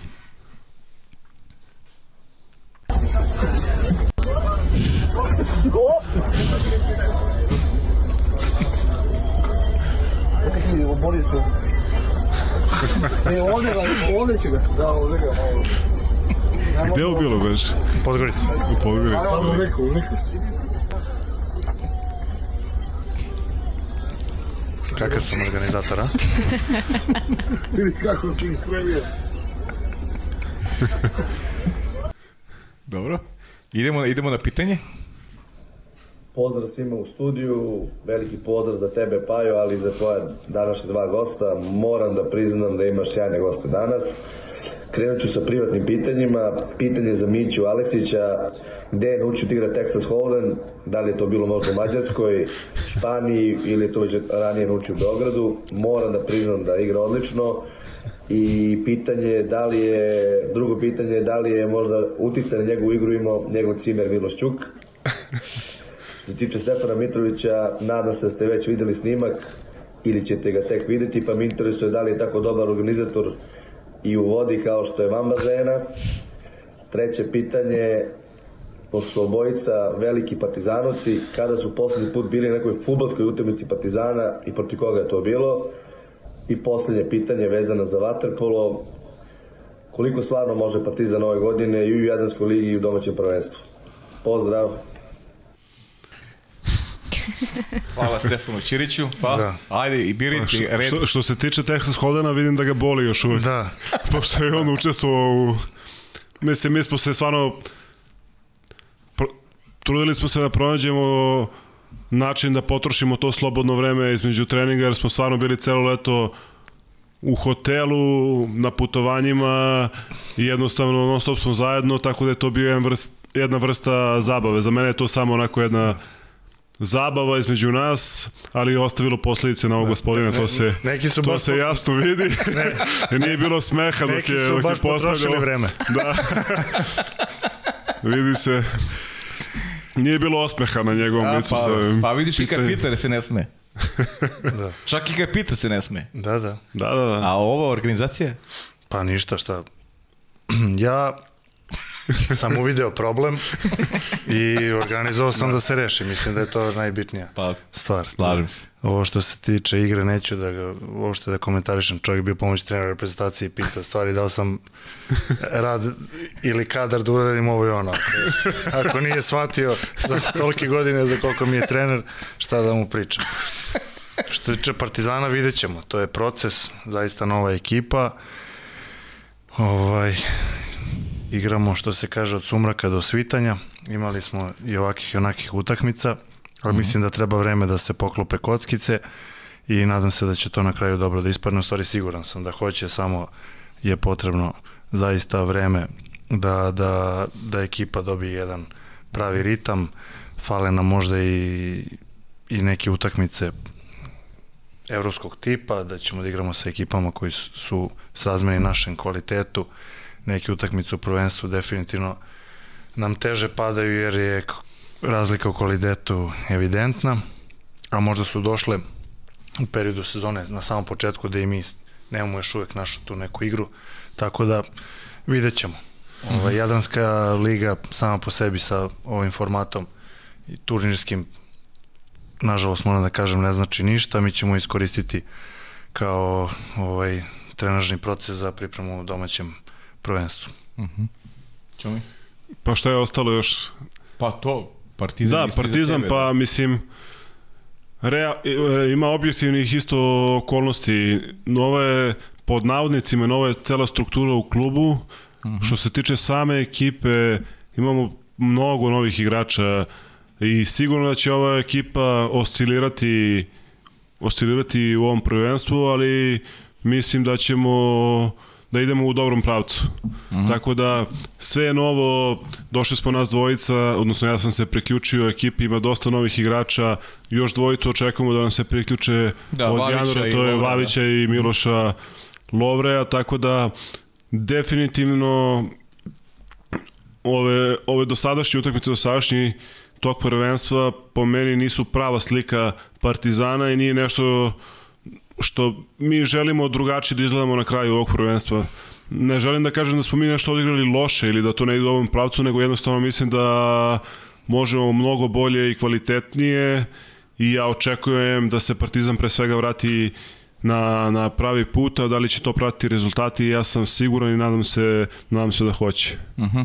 Ajde pre nego što da, da, da, malo se, da malo prozborimo na tu temu, kasnije ćemo se kroz pitanje vratiti još malo na, na reprezentaciju nekim, nekim momentima koji su, koji su vama posebno dragi, nekim možda anegdotama koje želite da ispričate. E, Partizan ove godine, ovaj ubedljiv poraz Novog Beograda, čekate ta povećanja za januar mesec, šta je neki cilj i da li Partizan sledeće godine e, na evropsku scenu, trebalo bi da bude tako, izlazi sa Stefanom Mitrovićem i sa, i sa Milanom Aleksićem? Pa mislim da cilj Partizana pre svega za ovu sezonu rezultatski treba da bude izlazak na evropsku scenu. Upravo to, da. Da, to definitivno i to je to je naš cilj, mislim Aha. bez ikakvog okolišanja za, za, za sledeću godinu, tako da bez dileme je tako. Mislim da ova ekipa trenutna ima sigurno, sigurno kvalitet za to. A kad kažeš evropska scena, Liga šampiona ili... Evropska scena. Evropska scena. Evropska, scena. scena. Da. Naravno, svi bismo volili da igramo da igramo u, u Ligi šampiona na elitnijem mhm. klubskom, klubskom takmičenju i to, mislim, kada pričamo o, de, o Partizanu, Waterpolo klubu Partizan, to se podrazumeva, podrazumevaju se dometi tog kluba i svakako mhm.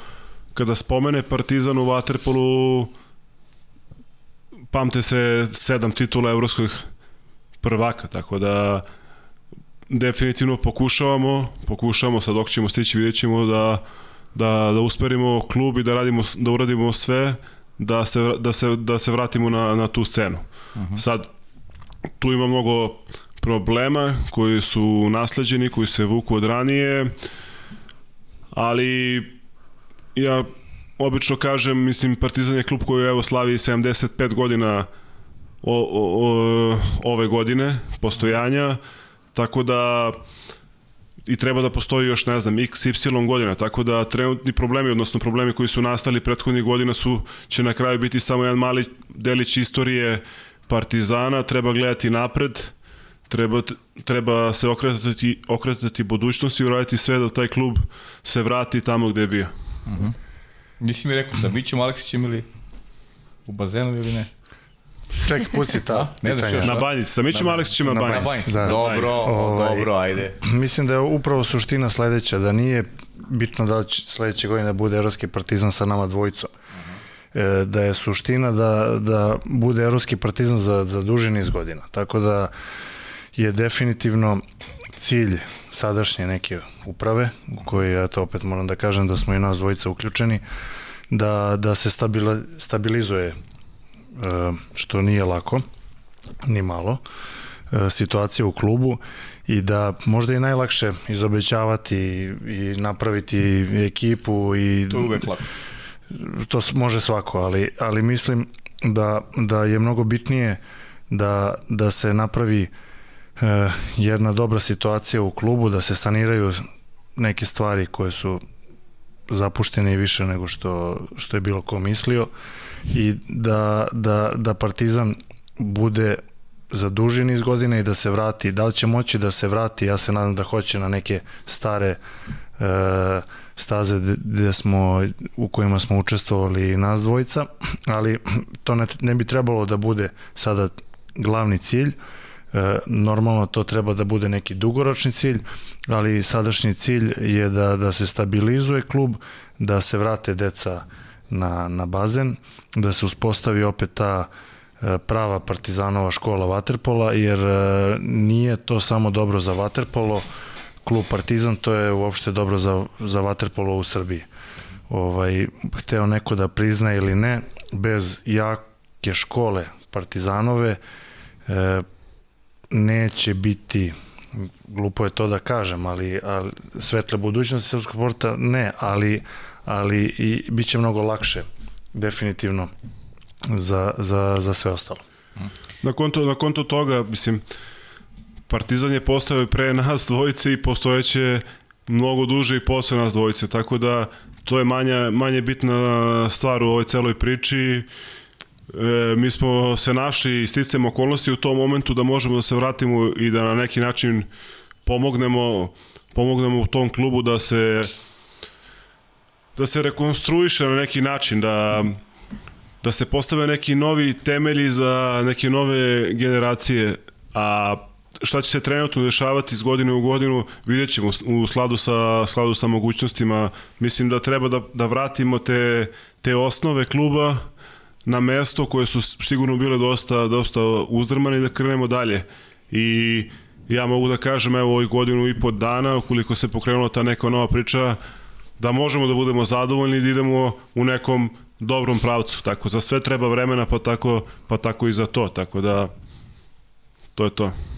Da, boj si vodo što, što ja mogu da kažem, ovaj, od vas je sjajno što ste se vratili bazi tamo gde ste počeli karijeru, nisu baš i česti slučajevi da, da se sportisti opredele, mogli ste i, i nekim drugim putem i to vrlo dobro znam. A, a ono što takođe bih želeo da vas pitam bojicu, kada su pričamo o tim klincima koji si ti Stefan napomenuo, i, ili se tu sada popravila situacija nakon, a, eto recimo, znamo šta je, šta je onako decu najviše ih taj, taj neki uspeh ih ovaj, da kažem, pokreće i, i žele da se bave vaterpolom. Da li se tu situacija na banjici pokrenula da se ne bojimo, eto vama dvojicom, šta će biti u nekoj bliskoj budućnosti ili ima sada više dece na banjici koje se bave vaterpolom nego što je bio slučaj recimo pre godinu dana? Eto konkretno kada se ti vratio na banjicu prošlog decembra.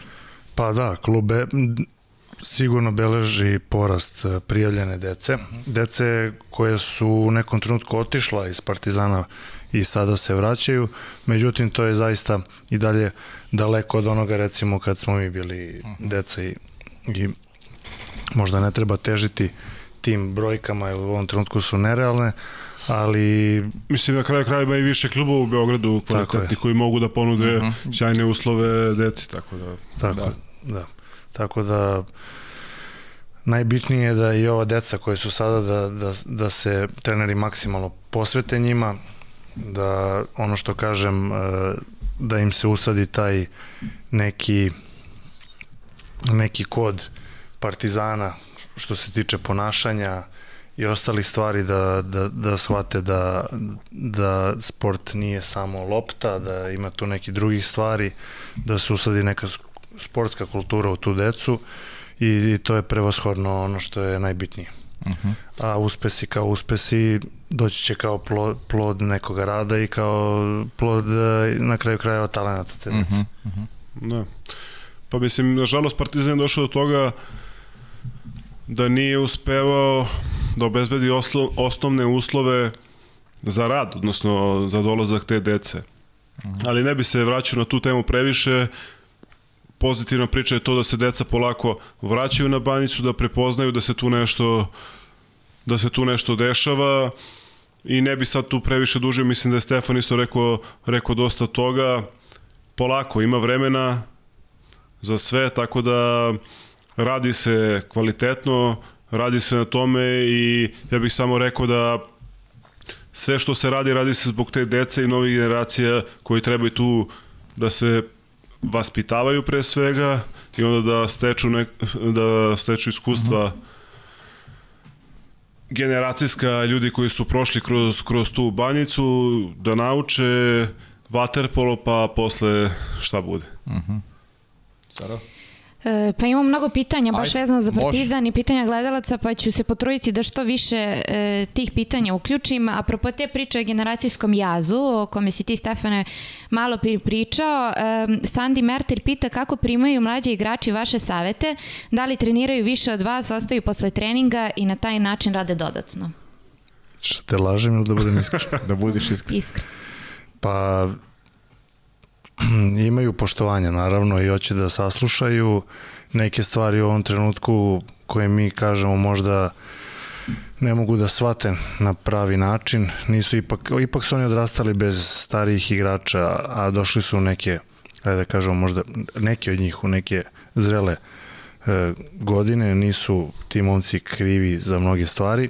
Međutim, moram da kažem da, da, da se trude, da stvarno treniraju i daju sve od sebe. E, mi treniramo izuzetno jakim intenzitetom.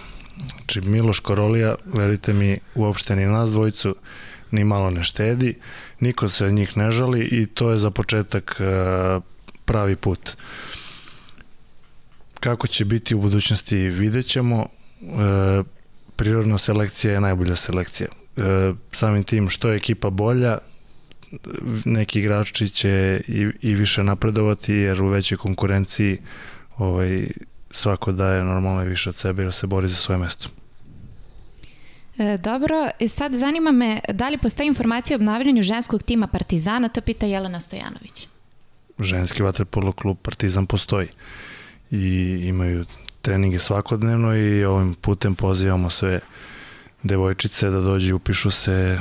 Ali to je nova, to je nova stvar, tako da. Tako je da. Od leta je tako, a? Da, da, da. Tako je da, da. Tako da ono što je Milan rekao, što je u principu najbitnije, delo ovako u 21. veku glupo, ali uslovi ovaj, u Evropi sad hladna voda ili neko ne postoji uopšte ta tema.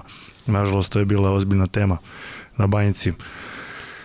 I za vreme korone čak bazen šest meseci nije ni radio. Ali eto, E, moram da kažem zaista sa opštinom Voždovac imamo trenutno najbolje moguće odnose. Voda je zadovoljavajuće temperature. Neki kažu da nikad nije ni bila ovakva, da se dese zbog ovakvih ili onakvih stvari neki padovi u temperaturi dese zato što je zastarala infrastruktura, ali mislim da će se u nekom, protek, u nekom narednom periodu raditi i na rešavanju tih stvari, tako da zaista ovaj bilo koji roditelj koji dovede decu na bazen banjicu neće pogrešiti bilo oni bili muški ili ženski ovaj ja se sad mi je palo na pamet jedna stvar koja mislim da je isto važna, eto da podelim mo, moje mišljenje. Kada pričamo o generacijskom jazu i tim uh -huh. stvarima, e, da neko ne shvati pogrešno, ne priča se u generacijskom jazu u negativnom kontekstu, uh mhm. -huh. nego jednostavno drugačije su, dru, drugačije vremena, su okolnosti. vremena, mhm. okolnosti i tako dalje. I mislim da definitivno e, starije generacije treba da se prilagode mlađima, a ne da isteraju neku svoju pravdu i da ih teraju da oni žive u nekom prošlom vremenu u kojem smo mi živjeli i da je jedino to pravi put, odnosno put ka, ka napretku nekom. Klaus. Tako da u, na konto, na konto prethodne priče da, da se ne stvori neka slika da je naša stvar, kako smo mi živjeli, prava stvar, da ovo sad da. ništa ne velja, nego jednostavno tako je kako je, takve su sad okolnosti, drugačije smo odrastali, stasavali, ali na konto života uopšte i sporta generalno, ne samo vaterpola, mislim da je velika greška ukoliko stari, iskusniji igrači ili treneri pokušavaju da nove generacije prilagode sebi i svom stilu života, mislim da baš obrnuto treba da se, da se pristupi i da da bi se izvukao maksimum iz tih mladih ljudi koji žive svoj život u datom momentu, da mi stari iskusni treba da se spustimo, odnosno da se prilagodimo njihovom stilom života i da im na taj način priđemo i da je to neki pravac kojim treba da se razmišlja. Po super, meni. super, Mića. A kaži mi koliko ste vi imali tu vrstu podrške kad ste bili mladi, su ti stariji negde prilagodili nekom vašem sistemu, ne. koliko su vam pomogli da vi... Drugačije, drugačije, sve to bilo, tačno znam šta hoćeš da me pitaš, ali ti imaš, na primer, situaciju da ja kad sam ulazio kao mladi igrač u prvi tim, uh mhm. -huh. ja sam imao jedno 7-8 igrača koji su stariji po 5-6 godina od mene. I oni su te pre svega učili kako da se ponašaš na prvom mestu, kako da radiš i tako dalje i tako dalje eto to se sad polako vraća u srpski, u srpski vaterpol, u srpski sport, koliko vidim uopšte, što nije bio slučaj u nekom prethodnom, prethodnom periodu, jer vi u situaciji kada najstariji igrač u ekipi ima 20 godina, da. onako, malo je to nezgodno, odnosno oni idu u napred nekim putima, ne znaju gde idu, nemaju nikog da ih malo usmeri, da im pokaže levo i desno i tako, i tako dalje. Tako da mi smo imali sreću i mi smo možda bili poslednja generacija koja je imala ista Savala, eto ja mi smo, u Partizanu Denisa Šefika, Jugoslava Vasovića, par starijih igrača koji su mogli da nam prenesu svo, neka svoja iskustva i životna i igračka i tako dalje. Prethodnih par godina, pet, ne znam koliko, momci koji su igrali u našoj ligi nisu imali tu tu mogućnost. Uh. E, upravo je to ono što je benefit ovih e, novih generacija. Ovog leta svetski juniorski šampioni, evropski za mlađe, za mlađe juniore, to su momci koji sada stasavaju Stefana Mitrovića, Zmiću Aleksića, e, tu su Manda, Jakša, tu su e, zlatni olimpici, dakle ono što nisu imale generacije ispod njih koje su morale da nose srpski vaterpolo 17-18 godina, što je popuno nerealna situacija, oni sada stasavaju za olimpijske šampione. To je jedan ozbiljan benefit za, njih, za njih i ono što je e, negde treba da bude ideja vodilja srpskog vaterpola da ova situacija ovakva kao jeste potre. Pa jeste, rekli smo, nisu ti momci za mnoge stvari krivi što možda u datom trenutku ne znaju ili ne osjećaju, ali nadamo se da ovaj sad trenutno vaterpolo boom, mogu tako da kažem da se dosta igrača vratilo, da možda nikad u istoriji nismo imali tri ekipe koje su igrali Ligu šampiona, a trenutno se dešava upravo ta situacija, da će potrebati. Jer od kratkoročne priče, nažalost, nema ništa. Hmm. Ako se ne gleda dugoročno da, da bude na ovom nivou, onda ovaj, nažalost ne možemo očekivati ni tih momaka da, da izraze možda taj svoj neki talent ili, ili kvalitet. E, Znaš kako, smeta mi ovo, ne možemo da se gledamo. Ne možemo, ti ja, ti ja da. se ne vidim uopšte, ti ja se gledamo da. ispod oka, nešto. Da, Možeš dobro. da vidiš, a, šta? Ali samo... Pa ne vidim nikoga, znači i tebe, a nažalost gledam tebe. njega, njega gledam svaki dan. Tebe gledam svaki dan. gledam svaki dan. Da. Tako da... A dobro, čujemo se, Stefane, da, čujemo Zato si tu gde jesi. Da. da. Sve koliko sam, sve koliko sam sed. A? Pa ceo život ga trpim. Pa da, osedio si. Yes. E, a oko toga, stvarno, da smo ti ja pričali, Je li ima neko da vas je ono u reprezentaciji tog godine, da vas je neko nervirao i da ste bili kao, zašto moram sa njim sad opet ovo leto Sad bar možete to da kažete. A, a? Nema, nema, a? nažalost. E, ne, a? Nema, nažalost, a? Kad se zaposliš u skandalu, onda ćemo pričati. Ma, ne. Da, da, da, da. da. da nisam taj, nisam skandal majstor, nego ono čisto onako iz duše malo kažete, kako sad ovo leto da izgoram ponovo. Ne, vidi, kad si mlađi, a? sigurno ne poznajući neke stvari imaš ono momente, brate, šta ovaj priča, šta... Ne. U stvari, Pa mislim, mislim da to svaki čovjek pa, ima. Pa, ja imam, zato pitam. Pa meni to, ja pa meni, ne, iz ove perspektive, ne, to je, meni to delovalo perspektive. i na moje roditelje. U nekom trenutku puberteta kao daj, na šta me pričaš. Da, tako je, to je neki period odrastanja. A u stvari kad se slegne sve, u stvari kad, da... Meni je sa 18 godina ili 17 kada sam ušao u prvi tim igrač od 27 godina ili 28 izgledao kao čoveče, hoćeš li prestati više da igraš? Sjajno. Ne, šta, pa ne, realno. Jer... Šta tebi treba od... Pa da, da, kao šta igraš više, znači dokle da. misliš. Da. Ali realno kada shvatiš da su to najbolje godine i nekako naravno promeni se cela ta perspektiva na neke stvari, Jasne. tako da sigurno to što znam šta si hteo da pitaš, da, tako da... Be, bez zle namere. Nego ne, ne, ne, naravno, na, znam šta si hteo da pitaš, tako da imali smo jedan Joe Rogan kadar. Pa to i treba, i treba. A to je, I to je sport. I bez, Slušaj, i to da je ti kažeš nešto. Znaš šta je život generalno? Ako hoćeš da budeš uspešan, znaš, treba da... Sve što radiš radi maksimalno. Tako je. U ono što voliš. Ako, znači, čovjek, čovjeku treba bude dopušteno da radi ono što voli. Ako je dobar u poslu, ne treba ga sputavati. Da, šta ćemo ako neko dobar u kafani? Uživa, ako je neko dobar u kafani, ga treba sputavati. Ne, treba ga sputavati. Ne treba. Ako će onda bude dobar u poslu koji radi, zašto ga sputavati? A, dobro. dobro, dobro. Ka, i to, to tanka je linija, znaš. Ne znam kakljiva je tema. Kakljiva je tema. Ovo si na iskustvo. Da, da, da. Kakljiva je tema. Pa naravno. Saro, ima mnogo interesantnih pitanja, ajde, ajde da, da, da ja sad ne znam dakle da počne, zato što šta god da pitam, skrenut ćemo sa teme. Nema veze, idemo, idemo, idemo opustno. Tako nam ide. Ovaj, e sad, e, Aleksandra je imala nekog ekskluzivnog izvora. Jeste. Ja ne znam. Nije, nije mi otkrilo, nije mi otkrilo.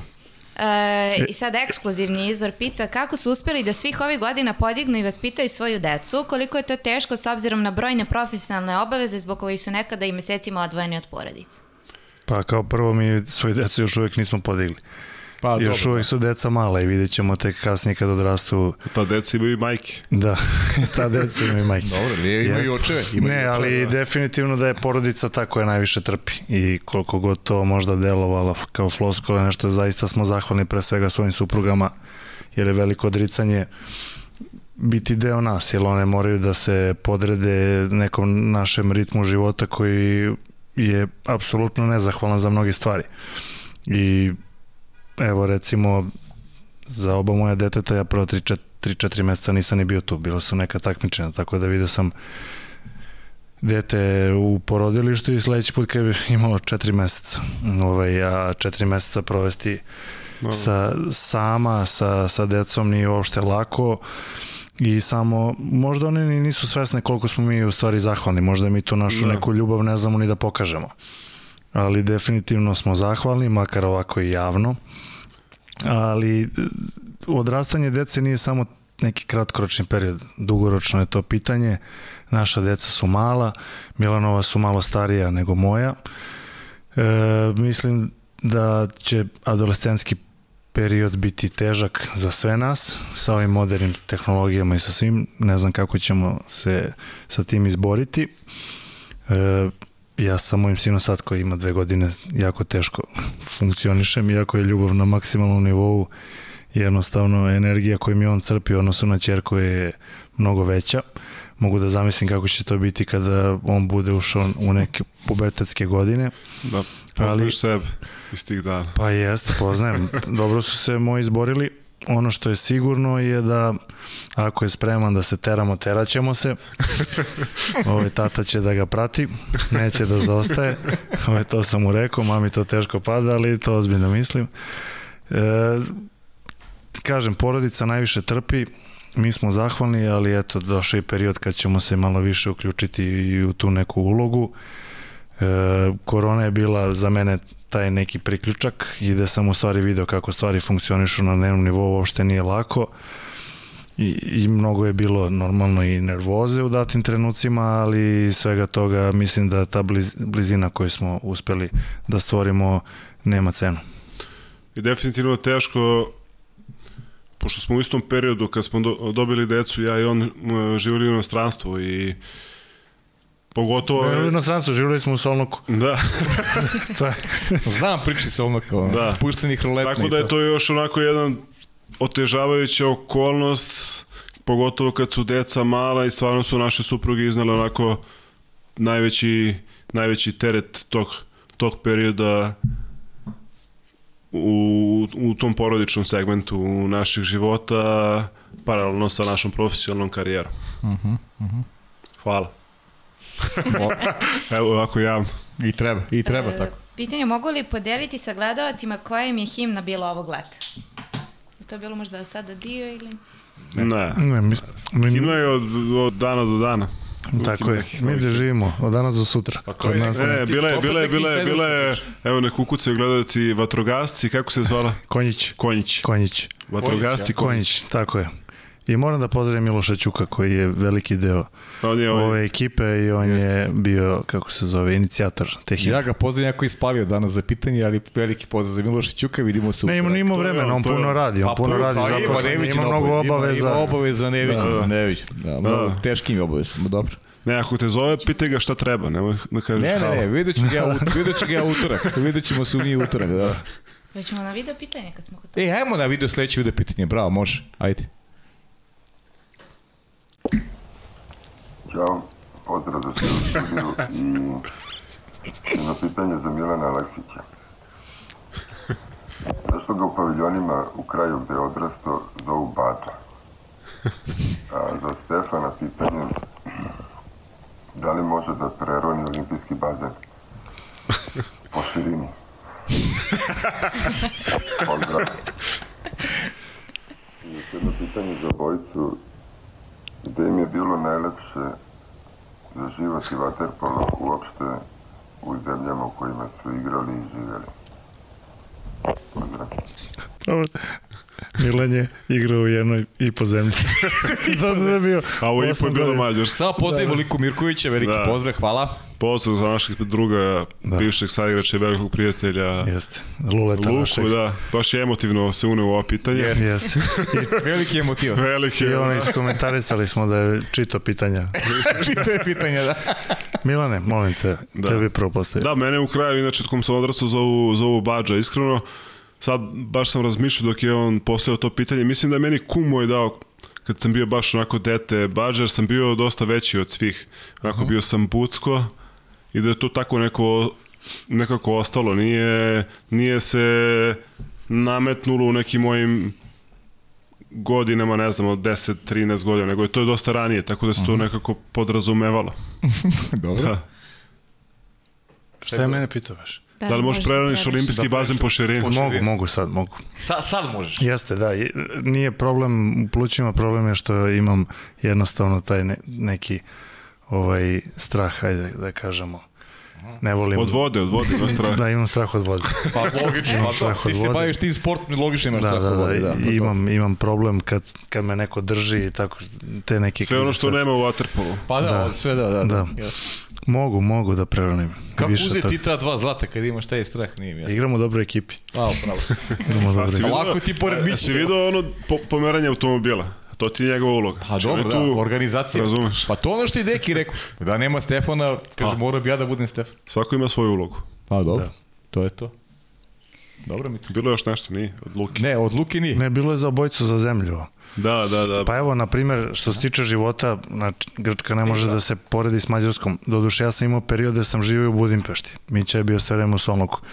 Budimpešta je definitivno jedan od mojih omiljenih gradova i mogu da kažem druga kuća. Prelep grad e, sa mnoštvo nekih istorijskih vrednosti i zaista sam se tamo osjećao fenomenalno. S druge strane, prvi put susrete život na moru Atina, nekako blis, blis, bliski bratski narod i sve to, ali stigla me tamo neka korona i nisam uspeo, nažalost, da doživim Grčku u, u nekom uh, očekivanju koji sam do tada gajio. Na Buzukiju sam bio možda samo ta dva, tri puta, Ovaj, mada ne kažem da je Grčka samo buzuki, ali ograničeno je bilo kretanje. Ja sam proveo, proveo 11 jasna sfera interesovanja. da, o, ovaj, 11 meseci sam proveo u koroni da sam morao da pošaljem poruku da hoću da bacim đubre, mislim. Nije to ta Grčka oko koja u stvari i jeste. A Luka je igrao u Grčkoj i on, on, onda on zna u stvari šta sam i propustio. Tako da. Tako da da, a Mića je s druge strane bio u Barceloni, isto u jednom fenomenalnom gradu, kojem smo dosta puta bili Pa ne znam za karijeru, možda smo odigrali tamo i 50 utakmica raz, raznih i reprezentacije i partizan i pripreme. Španija je zaista zemlja, pored Grčke, u kojoj bih mogao da živim. Iako je definitivno jedina zemlja u kojoj zaista mogu da živim, Srbija, jer lepo je otići u neke te zemlje na određeni period vremena, ali nažalost moj lični osjećaj je da svuda da odeš si stranac, bez obzira na sve. A neko kući si ipak kući. Jasno. I tu se slažete. Da, definitivno. Ja znam da. tvoj stav, da. Da, da, da. Pa ne, ja sam 7 godina igrao u Solnoku u Mađarskoj. Mislim, to je jedan mali onako gradić, sladak, ali definitivno Ne, ne. Super, da, stvarno, ne, ne, super je ko voli. Ne, ne. Super je ko voli. Ja. Da. Pa saslušaj me do kraja. Da, ajde. ajde. Ne, ne, hoću da kažem, u tom periodu mog života, kako porodično, tako profesionalnog, je bilo idealno mesto za nas. Da, I, to se slažem, u tom i, datom trenutku. Da. I blizu Beograda, mu... klub je bio stvarno ozbiljan, osvojili smo ligu šampiona s tim klubom, tako da ja tom gradu i tom klubu stvarno mogu da budem zahvalan i sigurno su imali veliki de, udeo u, u gradnji moje karijere, odnosno svih, svih uspeha, a definitivno posle toga sam otišao u Španiju, u Barcelonu gde sam živao dve godine i mislim onako, ako je moram da biram između Solnoka i Barcelona, mislim da ne treba da, da ne dužimo da priču. Da, da moramo da dužimo priču. Bio sam u Solnoku, tako da jasno mi je tvoj odgovor, dobro. Da. E, pitanje za Stefana, da li zna da je krivac što su na finalnom turniru u Moskvi 2017. godine pred meč sa Japanom imali ubitačan kondicijani trening koji je Paja noću sastavljao? Nije to bilo u Moskvi? 15. u Kazanju. U Kazanju. U Kazanju, vidi, 15. Isprovocirao ga je Stefan poručivši mu, molim Paju da nas poštedi, plivanja umrećemo. To je, o, to je bilo svaki drugi dan. Da, da, niko nas nije štedao, veruj mi, tako da, pogotovo ne Paja. Sećam se da smo plivali 10 puta 100 da. u Riju pred uh, polufinala na nekom treningu. Da, i jedna stvar, veliki pozdrav za Paju koji je bio onako dosta dugo uz nas i uz celu reprezentaciju i u srpski vaterpolo, ne znam, 40 godina. Jeste, da. Tako da onako dosta nam je pomogao, dosta nas je naučio i eto to su velika, ti neki ljudi koji su ostavili veliki trag ljudi iz senki koji, koji nisu koji primetni nisu kojih nema nigde u prvom ali su planu. definitivno ostavili jedan veliki veliki trag na, Tako je. na sve u ovom sportu u Srbiji moramo ga zovemo u podcast da da moramo Dobro. Isto pitanje kažete? od Aleksandre, da li je tačno da je dok je igrao u Ferenc Varošu klub e, doveo i psihologa kao i da nije želeo da ide na seanse, pa je platio pet kazni odmah, a onda je sa psihologom postao prijatelj. Ako ostanemo još malo u podcastu, morat ćemo i mi da dovedemo psihologa. Pa da. da. Imamo, imamo. Ne, imali smo mi psihologa i u reprezentaciji za vreme Dejana Udovičića. Ovaj, jeste, u Mađarskoj su pokušali par puta i u Solnoku su, jeste, ako sećaš, psiholog, pa tako su u Ferenc Varošu, međutim, ja sam pokušao, pr prvo sam psiholog objasnio da vrlo otvoreno, mislim, najbolje, ipak je to njegov posao, nisam imao ništa protiv njega i to je protiv nje. U, u datom trenutku ona je žela da da najbolje od sebe, međutim ja sam jej objasnio da ja ne priznajem to pre svega za neku našu sportsku kulturu i da je sve to okej, okay, ja ću da pristujem, a onda s obzirom šta smo sve morali tamo da radimo, žoltu sam pitao koliko košta ta kazna da se ja ne pojavljujem tamo i evo ja sam spreman odmah da platim za svih tih nekih pet. Izračunao sam da će biti još pet nekih ovoj seansi. Tako da na kraju jeste psiholog ovaj, je to sve prihvatila. To je neka moja lična pobeda da je u stvari prihvatila da jeste to nama ne treba ali to u stvari nije bilo zbog nas. Bilo nas je nas trojica srpskih igrača nego je više zbog tih nekih Mađara, tako da kažem, kojima je ta, taj neki mentalni trening više trebao. E, da li je tačno da je njegov stav e, da se atmosfera u nekoj ekipi ne pravi veštački, već vremenom i u kafanama? Pa dobro, kafana jeste mali deo, ali opet kažem, to je generacijski, evo, ja i... To je sinonim za druženje samo. Da, da, ne mislim ja, ne, ne, ne mislim sad kafana da, kao kafana, tako da, da. jer evo, vratit ću se na period kad smo mi ulazili u, u prvi tim, mi smo išli na trening, prvo pitanje posle treninga je bilo gde ćemo sad, na kafu. Mm -hmm. Onda smo išli na kafu, ručak, u slučaju da nije bilo popolnog treninga, taj ručak bi bio produžen.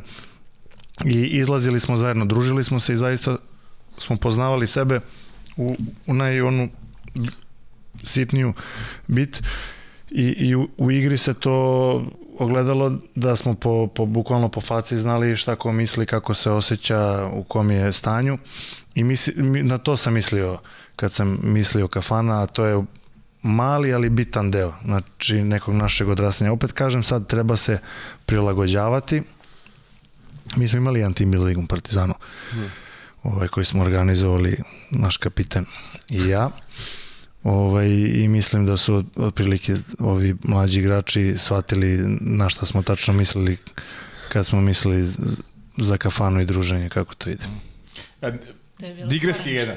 Digres je, neko, mi, neko je skoro rekao, možda, su, možda čak i u podcastu da uh, upravo vaša generacija uh, što sada radi, da završi se trening, dakle moraš da dođeš na piće, Znači idemo negde da sednemo, znači mora da se pojaviš, koliko će da ostaneš zavisi od tebe, ali mora da dođeš da ispoštuješ ljudi, da ispoštuješ ekipu i onda ti posle idi svojim putem. No. Koliko sediš, to je to. Pa vidi, znaš kako... to je nešto, to, apropo tog, znaš druženja kako, nekog zajedničkog... To je tačno, ali ima tu i objektivnih stvari, realno, gledajući pre 15-20 godina ti se sećaš i ranijeg perioda od toga, nisi ti ni imao toliko mogućnosti ko, ko imaju sada ljudi realno da rad, šta, šta da rade. Znači nije bilo mobilni telefon, ti je služio samo da pozoveš Živa nekog i da pustiš poruku. Nije bilo toliko ne znam, ajde sad tih virtualnih stvari ok, ali nije bilo ni toliko ni kafića, ni restorana, bilo je sve bilo manje. Sad su mogućnosti neograničene, ali meni što se ne sviđa lično, što je većina tih stvari onako vodi u neku destruktivnu stranu, nemam pojma, nisu postali toliko tih igrica, ni ne znam, tih nekih pa, pa stvari. Jednostavno, najbolji izbor ti je bio da budeš sa svojim društvom i da uživaš sa njima i da provodiš vreme, tako da... Ali mi ćemo, ali ako smo deo kolektiva, recimo ja sam deo kolektiva ovde, Irena je uh, je moj deo mog tima, da. znaš, i ako ona ima potrebu da, da budemo da, da, da, da napravimo makar jedno mesečno da se družimo, pa treba da se družimo, mi zajedno ne, ne, ne, kolektiv, znaš, to, to je nešto ne, ne, što je, to je prirodno, naravno, znaš. Ne, to je prirodno. I treba da imaš taj ali osjećaj, samo da ti znaš. kažem, ali to je prirodno tebi, ali ako nekom nije prirodno, ti mu to namećeš šta da. si dobio. Da, i to je tačno, dobro, i to je tačno. Ne treba ništa, ništa na silu, tebi pravo, treba, ti treba da izvučeš iz određene ličnosti neki maksimum.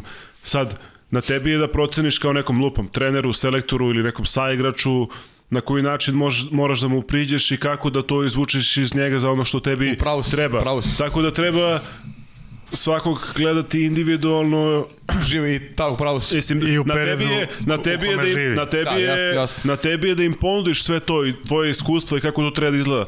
Pa Većina njih će na kraju krajeva to i prihvatiti, ja mislim, ali neko ko ne prihvati ne treba ga forsirati, može mu treba prići Tako, sa neke... I ne treba ga odbacivati. I ne treba ga odbacivati nikako, samo mu treba prići može sa neke druge strane i prihvatiti ga tako kakav jeste. I na kraju krajeva najgore od svega šta god da se dešava, kakva god da je struktura ljudi koji se tu nalazi, ni jedan od njih ne treba da se zbog nekog svog postupka ili nekolegial, kolegijalnost, kolegijalnosti, kolegijalnosti ili ne znam, zato što nije teo da ide na piće ili u kafanu, ne znam, nije ja već gde, da se oseti odbačeno ili nekako da je stavljen sa strane u ekipi, tako da Pravo si, pravo si, Mićo, podržavam, jeste. To jeste, treba svaka individua, treba da, da onako, da, da, da, da, da bude ispoštovana, slažem se, pravo si to što je moj stav, tvoj ne mora da znači da je to opšte ako smo mi u timu, da bude... Ako smo mi u nekom timu, svako treba da da svoj maksimum, a na nekom treneru ili ne znam nija kome na, da nađe način da izvuče to iz njega. Sad, ne treba meriti po sebi i, i po tome kako si ti to uspeo ili neko uspeo iz tebe da izvuče. Treba, treba pronaći način da iz svakog izvučeš ono najbolje što on poseduje, pa sad kako će to biti, ne znam. Da, super pouka, generalno, super poruka. Idemo dalje, Saro. Isto Aleksandrina pitanja, e, da li će mu se možda već ovog leta ostvariti žele da posjeti Kubu s obzirom da neće imati reprezentativne obaveze i koje crno, koje belo vino bi preporučio i koje je ostavilo najveći nije, na njega? Samo, samo pre nego što odgovori, nije možda još posjetio Kubu, ali Kuba je u Beogradu. Kuba je u Beogradu, pa da. Kuba Libra. Ovo. e, ima korekcija. A, a, jel imate ideju da idete možda i, i zajedno, se priključi još neko to, to za Kubu, a? Pa ne, mislim da je to Kuba više izvučeno iz nekog konteksta gde on, neko on objasni šta se desilo, ali definitivno... Ne, ta Kuba je bila neka kao neka potencijalna u nekom trenutku priča.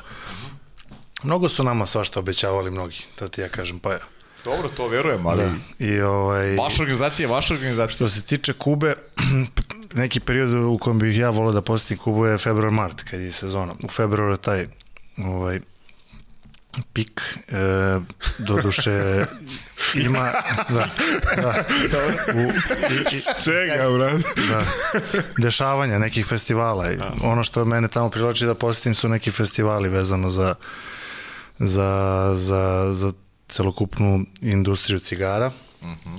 Da, znam da te to jako zanima. To me, da, to mi je svakodnevnica. Uh -huh. e, međutim, e, vidjet ćemo. -huh. Možda i nateramo Vaterpolo Savez Dejana Savića i ostale da na neki način nam omoguće da eto zajednički odemo, što da ne. Super. I, i, i, i u, u nekom cilju promovisanja Vaterpola na Kubi. Možemo, sigurno ljudi ne znaju, ali Ivan Perez, jedan Tako je. ovaj, legendarni centar koji igra za Španiju je u stvari kubanac. Ovaj, čak i su italijani imali ovog, kako se preziva ovaj bek? Je li on Perez bio? Jeste, možda najgore, ja mislim da jeste. Jeste, da, tako da Kuba, Kuba je jedna sportska nacija, mislim, boks, atletika, odbojka, e, jako smo bliski što se tiče mnogih nekih stvari i istorije.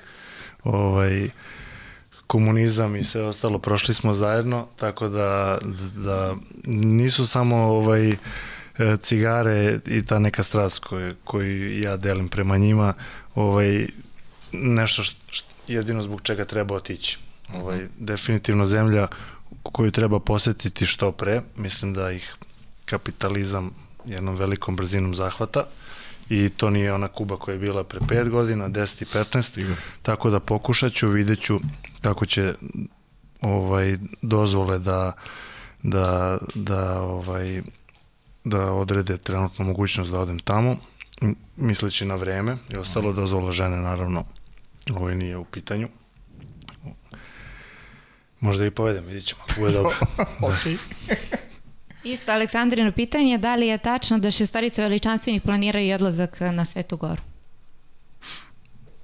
Pa nismo se dogovarali oko toga, ali ja imam veliku želju. Nisam bio na Svetoj Gori, tako da imam veliku želju svakako da odem, a bit će mi o, ovaj, samo još lepše ako odem sa šestoricom mojih drugara, braće, kako već da ih nazovem.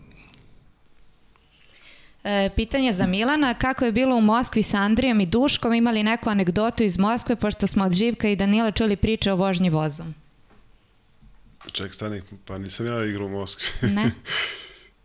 ja sam trebao. A nije ni, ne, nije on, ni Andrija. On A, A da, nije Andrija. Andrija. Andrija. Oni su potpisali, to je da, dobro, okej. Okay. Oni su potpisali, ali nisu otišli, to je ona... Da, možda su tu umiksovane dve priče. Da. A, ne, ja znam na što je ciljao možda taj koji je pitao. To nije bilo u Moskvi. Aleksandar. Moguće da smo bili, jer smo bili neku, nešto u Šangaju smo bili na nekom, da li na svetskom ili na nekim pripremama, I kad se žile tu zalepila papuča u metrou i prosuje kafu po kinezima, je bila nevratna vlaga i to je, je pošto je pitanje voz, da. Aha, moguće. Neki veliki moguće. grad, ne znam, ostalo ne mogu da se... Moguće da Moskva, da, Moskva, Moskva da. ste potpisali, niste igrali, da to je... Ne, Moskva, to je neki stice okolnosti bio, trebali smo ja Andrej da igramo u Dinamo u Moskvi, sve je mm. bilo dogovoreno, međutim, Na kraju nije ispalo tako. Neće lova čoveka, pa neće. pa to ti je, neće. Da, neće. neće ga. Beži od njega, beži da, od njega. Da. Nema veze Milane. Nije tu sreće. A? Nije tu sreće. Ne, ne, ne, ne, ništa nije sreće. To je zvezda. Pa čekaj, da, da je lovo u pitanju, pa ne bi nas dvojica bili u Partizanu, da se razumemo. To pa, si rekao na početku. Ne, to, to si rekao na početku, da a, da, da, da ste drugačiji karakteri, vi biste otišli negdje drugi. Nego, vas dvojice ste, ali ja podržavam, vi, vi ste pravi karakter. Ja, ja mnogo vas cenim, zato što ste se vratili u kući koja je vaša. I to je zaista lepo. Ja to zaista poštam. I to je sjajno. Da, hvala.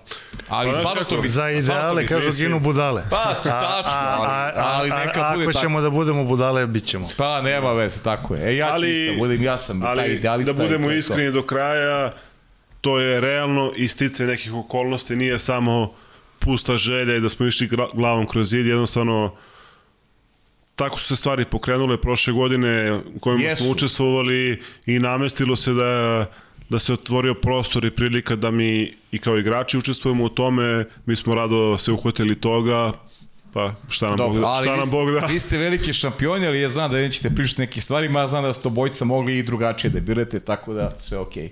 Idemo dalje. To si ti rekao. Ja sam rekao, tako je. E, izjavio je nakon Tokije da sve i da, e, da ste izgubili, da niste uradili ništa za... Uh, ajmo opet. Izjavio je nakon Tokija da sve i da smo izgubili i da nismo uradili šta smo uradili, ne bismo imali za čim da žalimo. Kada sad pogleda na svoju reprezentativnu karijeru, postoji li nešto za čim žali? To je pitanje za mene, ja? Uh mhm. -huh. Pa mislim... Jaki izjave daš? Da. Jaki. Poruke. Da. Pa, kada osvojite dva olimpijska zlata, ne znam, da ne bi možda bilo malo onako prepotentno žaliti za nečim ili alavo, da tako kažem. Tako da ja stvarno ne bih, ne bih, nemam za čim da žalim u stvari, da, da, da, da tako kažem. Tako da i u klubskoj i u reprezentativnoj karijeri osvojio sam sve, ja mislim. Sve si osvojio. Sve sam osvojio, tako da... Imaš len? Šta, len? Len. Si uzao len? Nisam uzao len, ali to je... Ne, laži, nisam, laži, ali nisam laži, ni igrao, to je niže razredne takmičenje za mene. Pa je. o to, izvinjavam se. Ok, izvinjavam. Nismo ga prepoznali. Da, da, izvini. Da, da, dobro. ne, definitivno mogu samo da budem onako zahvalan svima koji su učestvovali u formiranju mene kao ličnosti igrača, svim trenerima i porodici pre svega, na svemu što sam uradio do sada, nemam za čim da žalim. Moglo je bolje, moglo je i gore, moglo je neka medalja više, ali takođe i manje, tako da na kraju krajeva, kada se sve stavi na papir, bilo bi onako krajnje neozbiljno, neozbiljno pričati u nekom tom smeru za čim, za čim ja žalim, tako da... Uh -huh. Eto, to je to. E, pitanje za... Snimi, snimi. Dva puta. To ti je kao futbola liga konferencija sad. Dva, dva niže ražena. On je uzao sve čovjek. Da, da. Dva niže ražena. Dva niže Uzao čovjek sve. Dobro. A nisam ja pun sebe, ja neću da kažem da, da, znaš, nema veze. Ja nisam imao priliku da igram, inače bi uzao. Pa tako, da. pa dobro. Ko zna, možda dobiješ priliku. Pa e, možda, ali nema mnogo vremena. E, kako Ako bi sledeće nedelje, da puste da igra lep, možda. Kako bi u tri reči opisali Savića kao selektora, kako kao čoveka? Ko će prvi? Sve jedno. Jako su teška ta pitanja, znaš, Saro. Ne? Kao selektora... Kako da ga opišem kao čoveka? Znači, pa isto kao okruglo, veliko, znaš, fizički, kao čoveka isto tako, širok, veliki, dubok, emotivan. Da. Mislim da smo spomenuli u toku emisije yes jedan veliki šmeker spreman da se prilagodi svakoj situaciji, da se spusti u datim momentima ispod nekog svog nivoa zarad višeg cilja, tako da onako već sada jedan istorijski sportski lik. Da. Pa dobro, kao i vi u ostalom. Dobro, okej. Okay. Da znam da to nećete, ali... Pitanje za Stefana, da li se um, ekspertu za balans, kako Stefan naziva Savića, sve vidi na licu, iako je on u našem podcastu otkrio da mnogo vežba pred ogledalom. Ma da, to on otkrio sad, ne znam. Samo Ćom i ja znamo kad pogledamo Dekija u kakvom stanju je trenutno i šta možda prolazi kroz glavu i to taj dojam ne možemo da objasnimo. Mi znamo i kad je on nervozan i i nesiguran i umoran i mamuran i tako da e, Deki se ne može opisati tek tako zaista. Ovaj mnogo toga smo prošli zajedno tako da jedna detaljna analiza tog čoveka da ne kažem gospodina je za neke nadležne institucije. Tako je da. Je vam prošlo kroz glavu da ga ubacite u bazen sad? Nakon ovoga? A da, to je neka tema koja se non stop provlači. Pa da. Ovaj, Deki ima svoj razlog, nećemo da ulazimo u to, tako. Neko on objasni kada Ja iskreno nisam ni pomislio, već sam da. navikao. Da. A dru, s druge strane, i da ga ubacimo, da li mučenik može da izađe? Da može da isplovi. A on u stvari zbog toga nije da. hteo, sad se mi po... da. Znači... Da, ovaj, i, I ko da ga izvadi? I ko da ga izvadi? Imamo mi Mandu i ostale možda neki koji su jaki, ali posle utakmice Da, više, nisam razmišljao o tome nikada. To, to da. u stvari prava. On je to predstavio kao fazu njegovog kao Tako stila, je. u stvari se boji da, da ne može da, ne se unutra, da. pred ljudima, pred publikom, Tako, da ne može da izađe iz bazena. Hoćemo na treće video pitanje. E, hoćemo još nekih zanimljivih pitanja. Ajde, može. Ajde, ajmo na treće video pitanje, stvarno. Da završimo s tim. Pozdrav svima u studiju. Imam jedno pitanje za Stefan. Pošto sam ispratio u zadnje vreme je počeo se bavi manekenstvom, da li bi prihvatio da bude maneken e, na reviji Kupaći gaća kreatora Darka Kostića? Pozdrav svima. Pozdrav svima u studiju. Evo, pa, opet puštate o, o neću da komentarišem šta je. to je direktor jednog kluba. Da.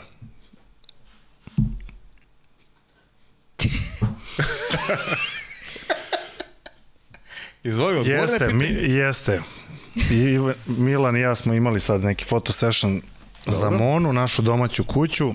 Inače, to je bilo po više drugarskoj osnovi, zato što je Uroš naš drug iz detinstva s kojima smo mnoge ove noći bdeli na raz, raznim mestima i takođe veliki navijač Partizana. E, što se tiče Darka Kostića, ne poznajem čoveka, niti znam da uopšte radi sa linijom veša ovaj, kako zove Saru, ti ćeš znati bolje, ali očigledno da gospodin prati karijeru Darka Kostića, tako da, eto, njih dvojica mogu zajedno da naprave jednu kolekciju.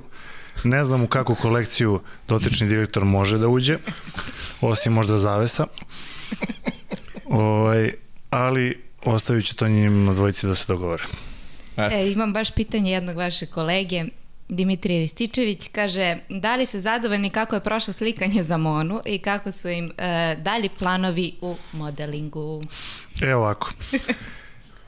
Jeste, kolega. Ovaj, sad mi je žao, ne znam ako uđem na ovaj Google Street View u jednu ulicu, a poslaću ti sliku za, za sledeću emisiju. Dobro. Da, da ti pokažem sliku za prvi maj Pirot. Dimitrija stoji na, na dotičnoj radnji tako da on je zagazio modeling mnogo pre nas dvojice, a objasnio sam poriv na našeg fotosessiona da nema nikakve veze ovaj, sa našom željom da budemo modeli, već da prenesemo ovaj poruku eto, jednog starog srpskog brenda koji pokušava sa, sa, sa nekim redizajnom i ostalim stvarima da dopre do u stvari urbanog čoveka, jer mislim da mi sportisti pripadamo nekoj urbanoj kulturi i da Mona jeste jedan kvalitetan brend, pre svega, a da nažalost u Srbiji ljudi pre svega vataju se za neke stvari koje su uvezene iz Evrope, što ne znači da su kvalitetnije od nekih domaćih proizvoda. Tako da kupujemo domaće, Izgleda da su njega platili više nego mene. Izgleda. Da. Izgleda, izgleda tako se. Izgleda... Ali imaš e, e, sad, sad dolazimo... Sad, na vreme. Ne, sad dolazimo, Milane. sad dolazimo na ono. Milan, ja nisam znao da su tebe platili za to.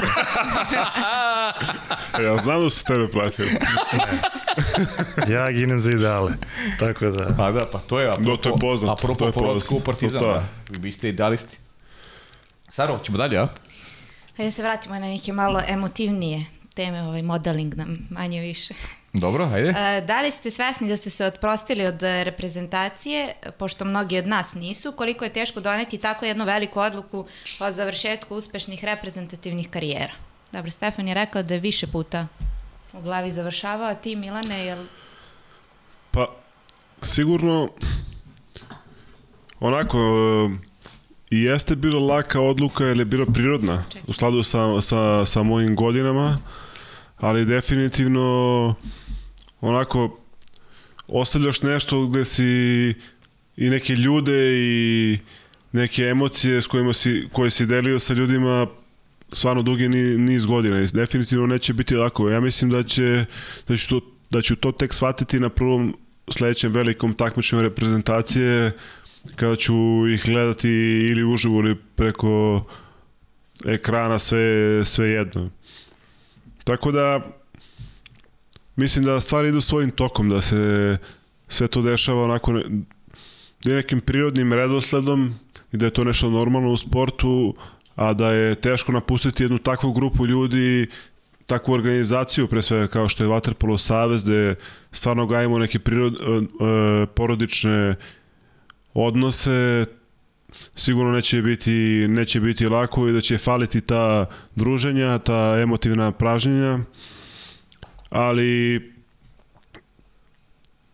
to sve to sve tako i treba na kraju krajeva da, da, da se dešava i ja sam siguran da će ti momci koji, će ostati, koji su ostali u reprezentaciji, koji će nastupati za Srbiju na sledećim takmičenja, takmičenjima, pre svega nam donositi mnogo radosti i da ću imati priliku da svoje emocije reflektujem sa, sa, sa tribina i da im prenesem deo neke pozitivne energije u bazen, tako da eto, to je to. Uh mhm. -huh.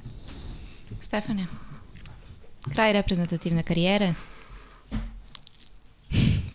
Odlučio sam se definitivno. Sad je definitivno. Pa jeste, da.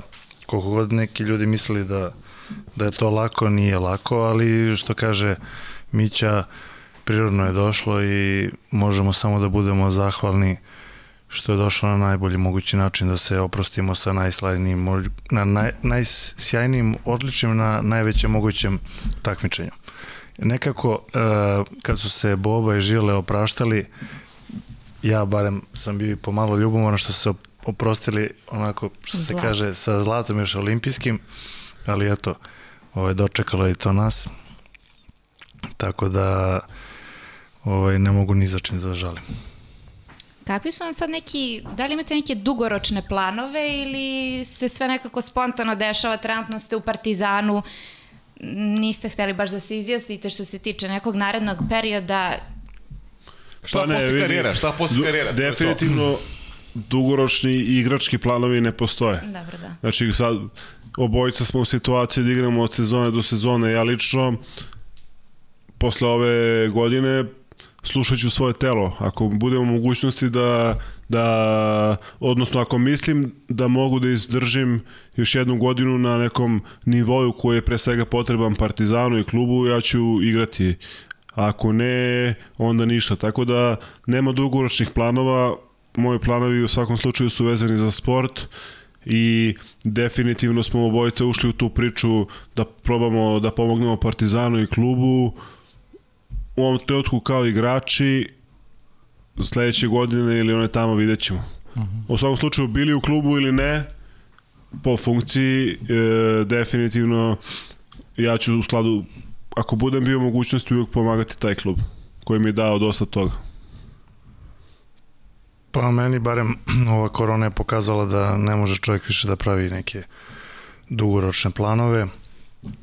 Tako vezano i za Waterpolo, ajde vidimo da se ova sezona završi, nadamo se na najbolji mogući način, tako da ćemo vidjeti, ali slažem se sa Milanom da tu smo da pružimo podršku svuda gde je potrebno na najveći mogući način.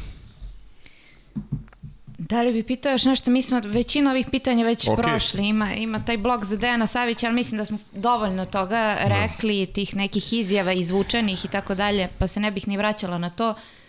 Pa pazi, ja bih imao da pitam još milion stvari, uh, kao i uvek, ali ovaj, ne bih ni, ni da ih mnogo ovaj, davim sada, možda najbolje eto, ne znam, da li imate vi nešto da kažete vas dvojice da vas nismo pitali, s obzirom da smo imali one emisije koje se bavila vašim karijerama, ovo je bio neka, neka, neka ideja da se da se vi nekako ispišete i kroz ovaj podcast iz reprezentacije ispričate šta bi na srcu, da eto možda po, poručite nešto mladima, ovim mlađim generacijama ovaj, šta ih čeka, koliko ćete vi, koliko će od vas imati pomoći za, za neke njihove ovaj, buduće kreacije, pa eto, s tim u vezi, ako vas dvojice imate nešto da dodate, nešto vas nismo pitali, a želite da istagnete, eto, to je, to je možda za kraj.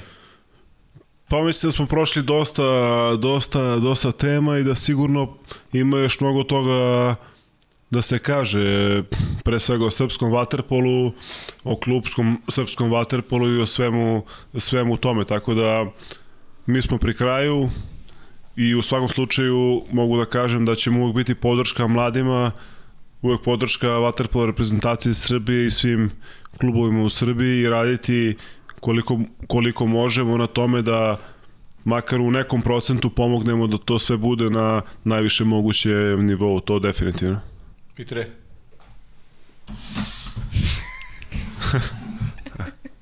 Popravimo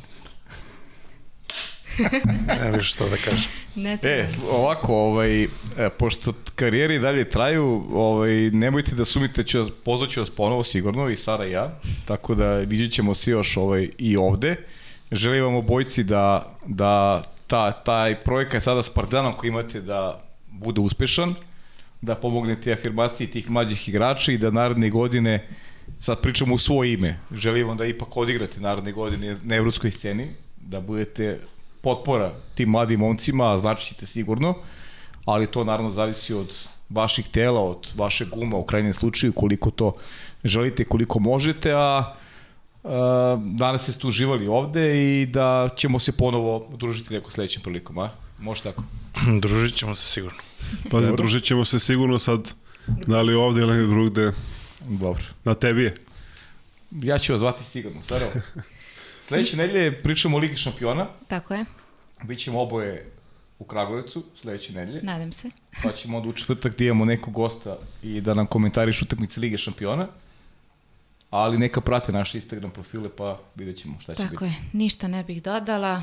Pratite nas na našim Instagram profilima i do sledeće nedelje. Zdravo! Ćao svima!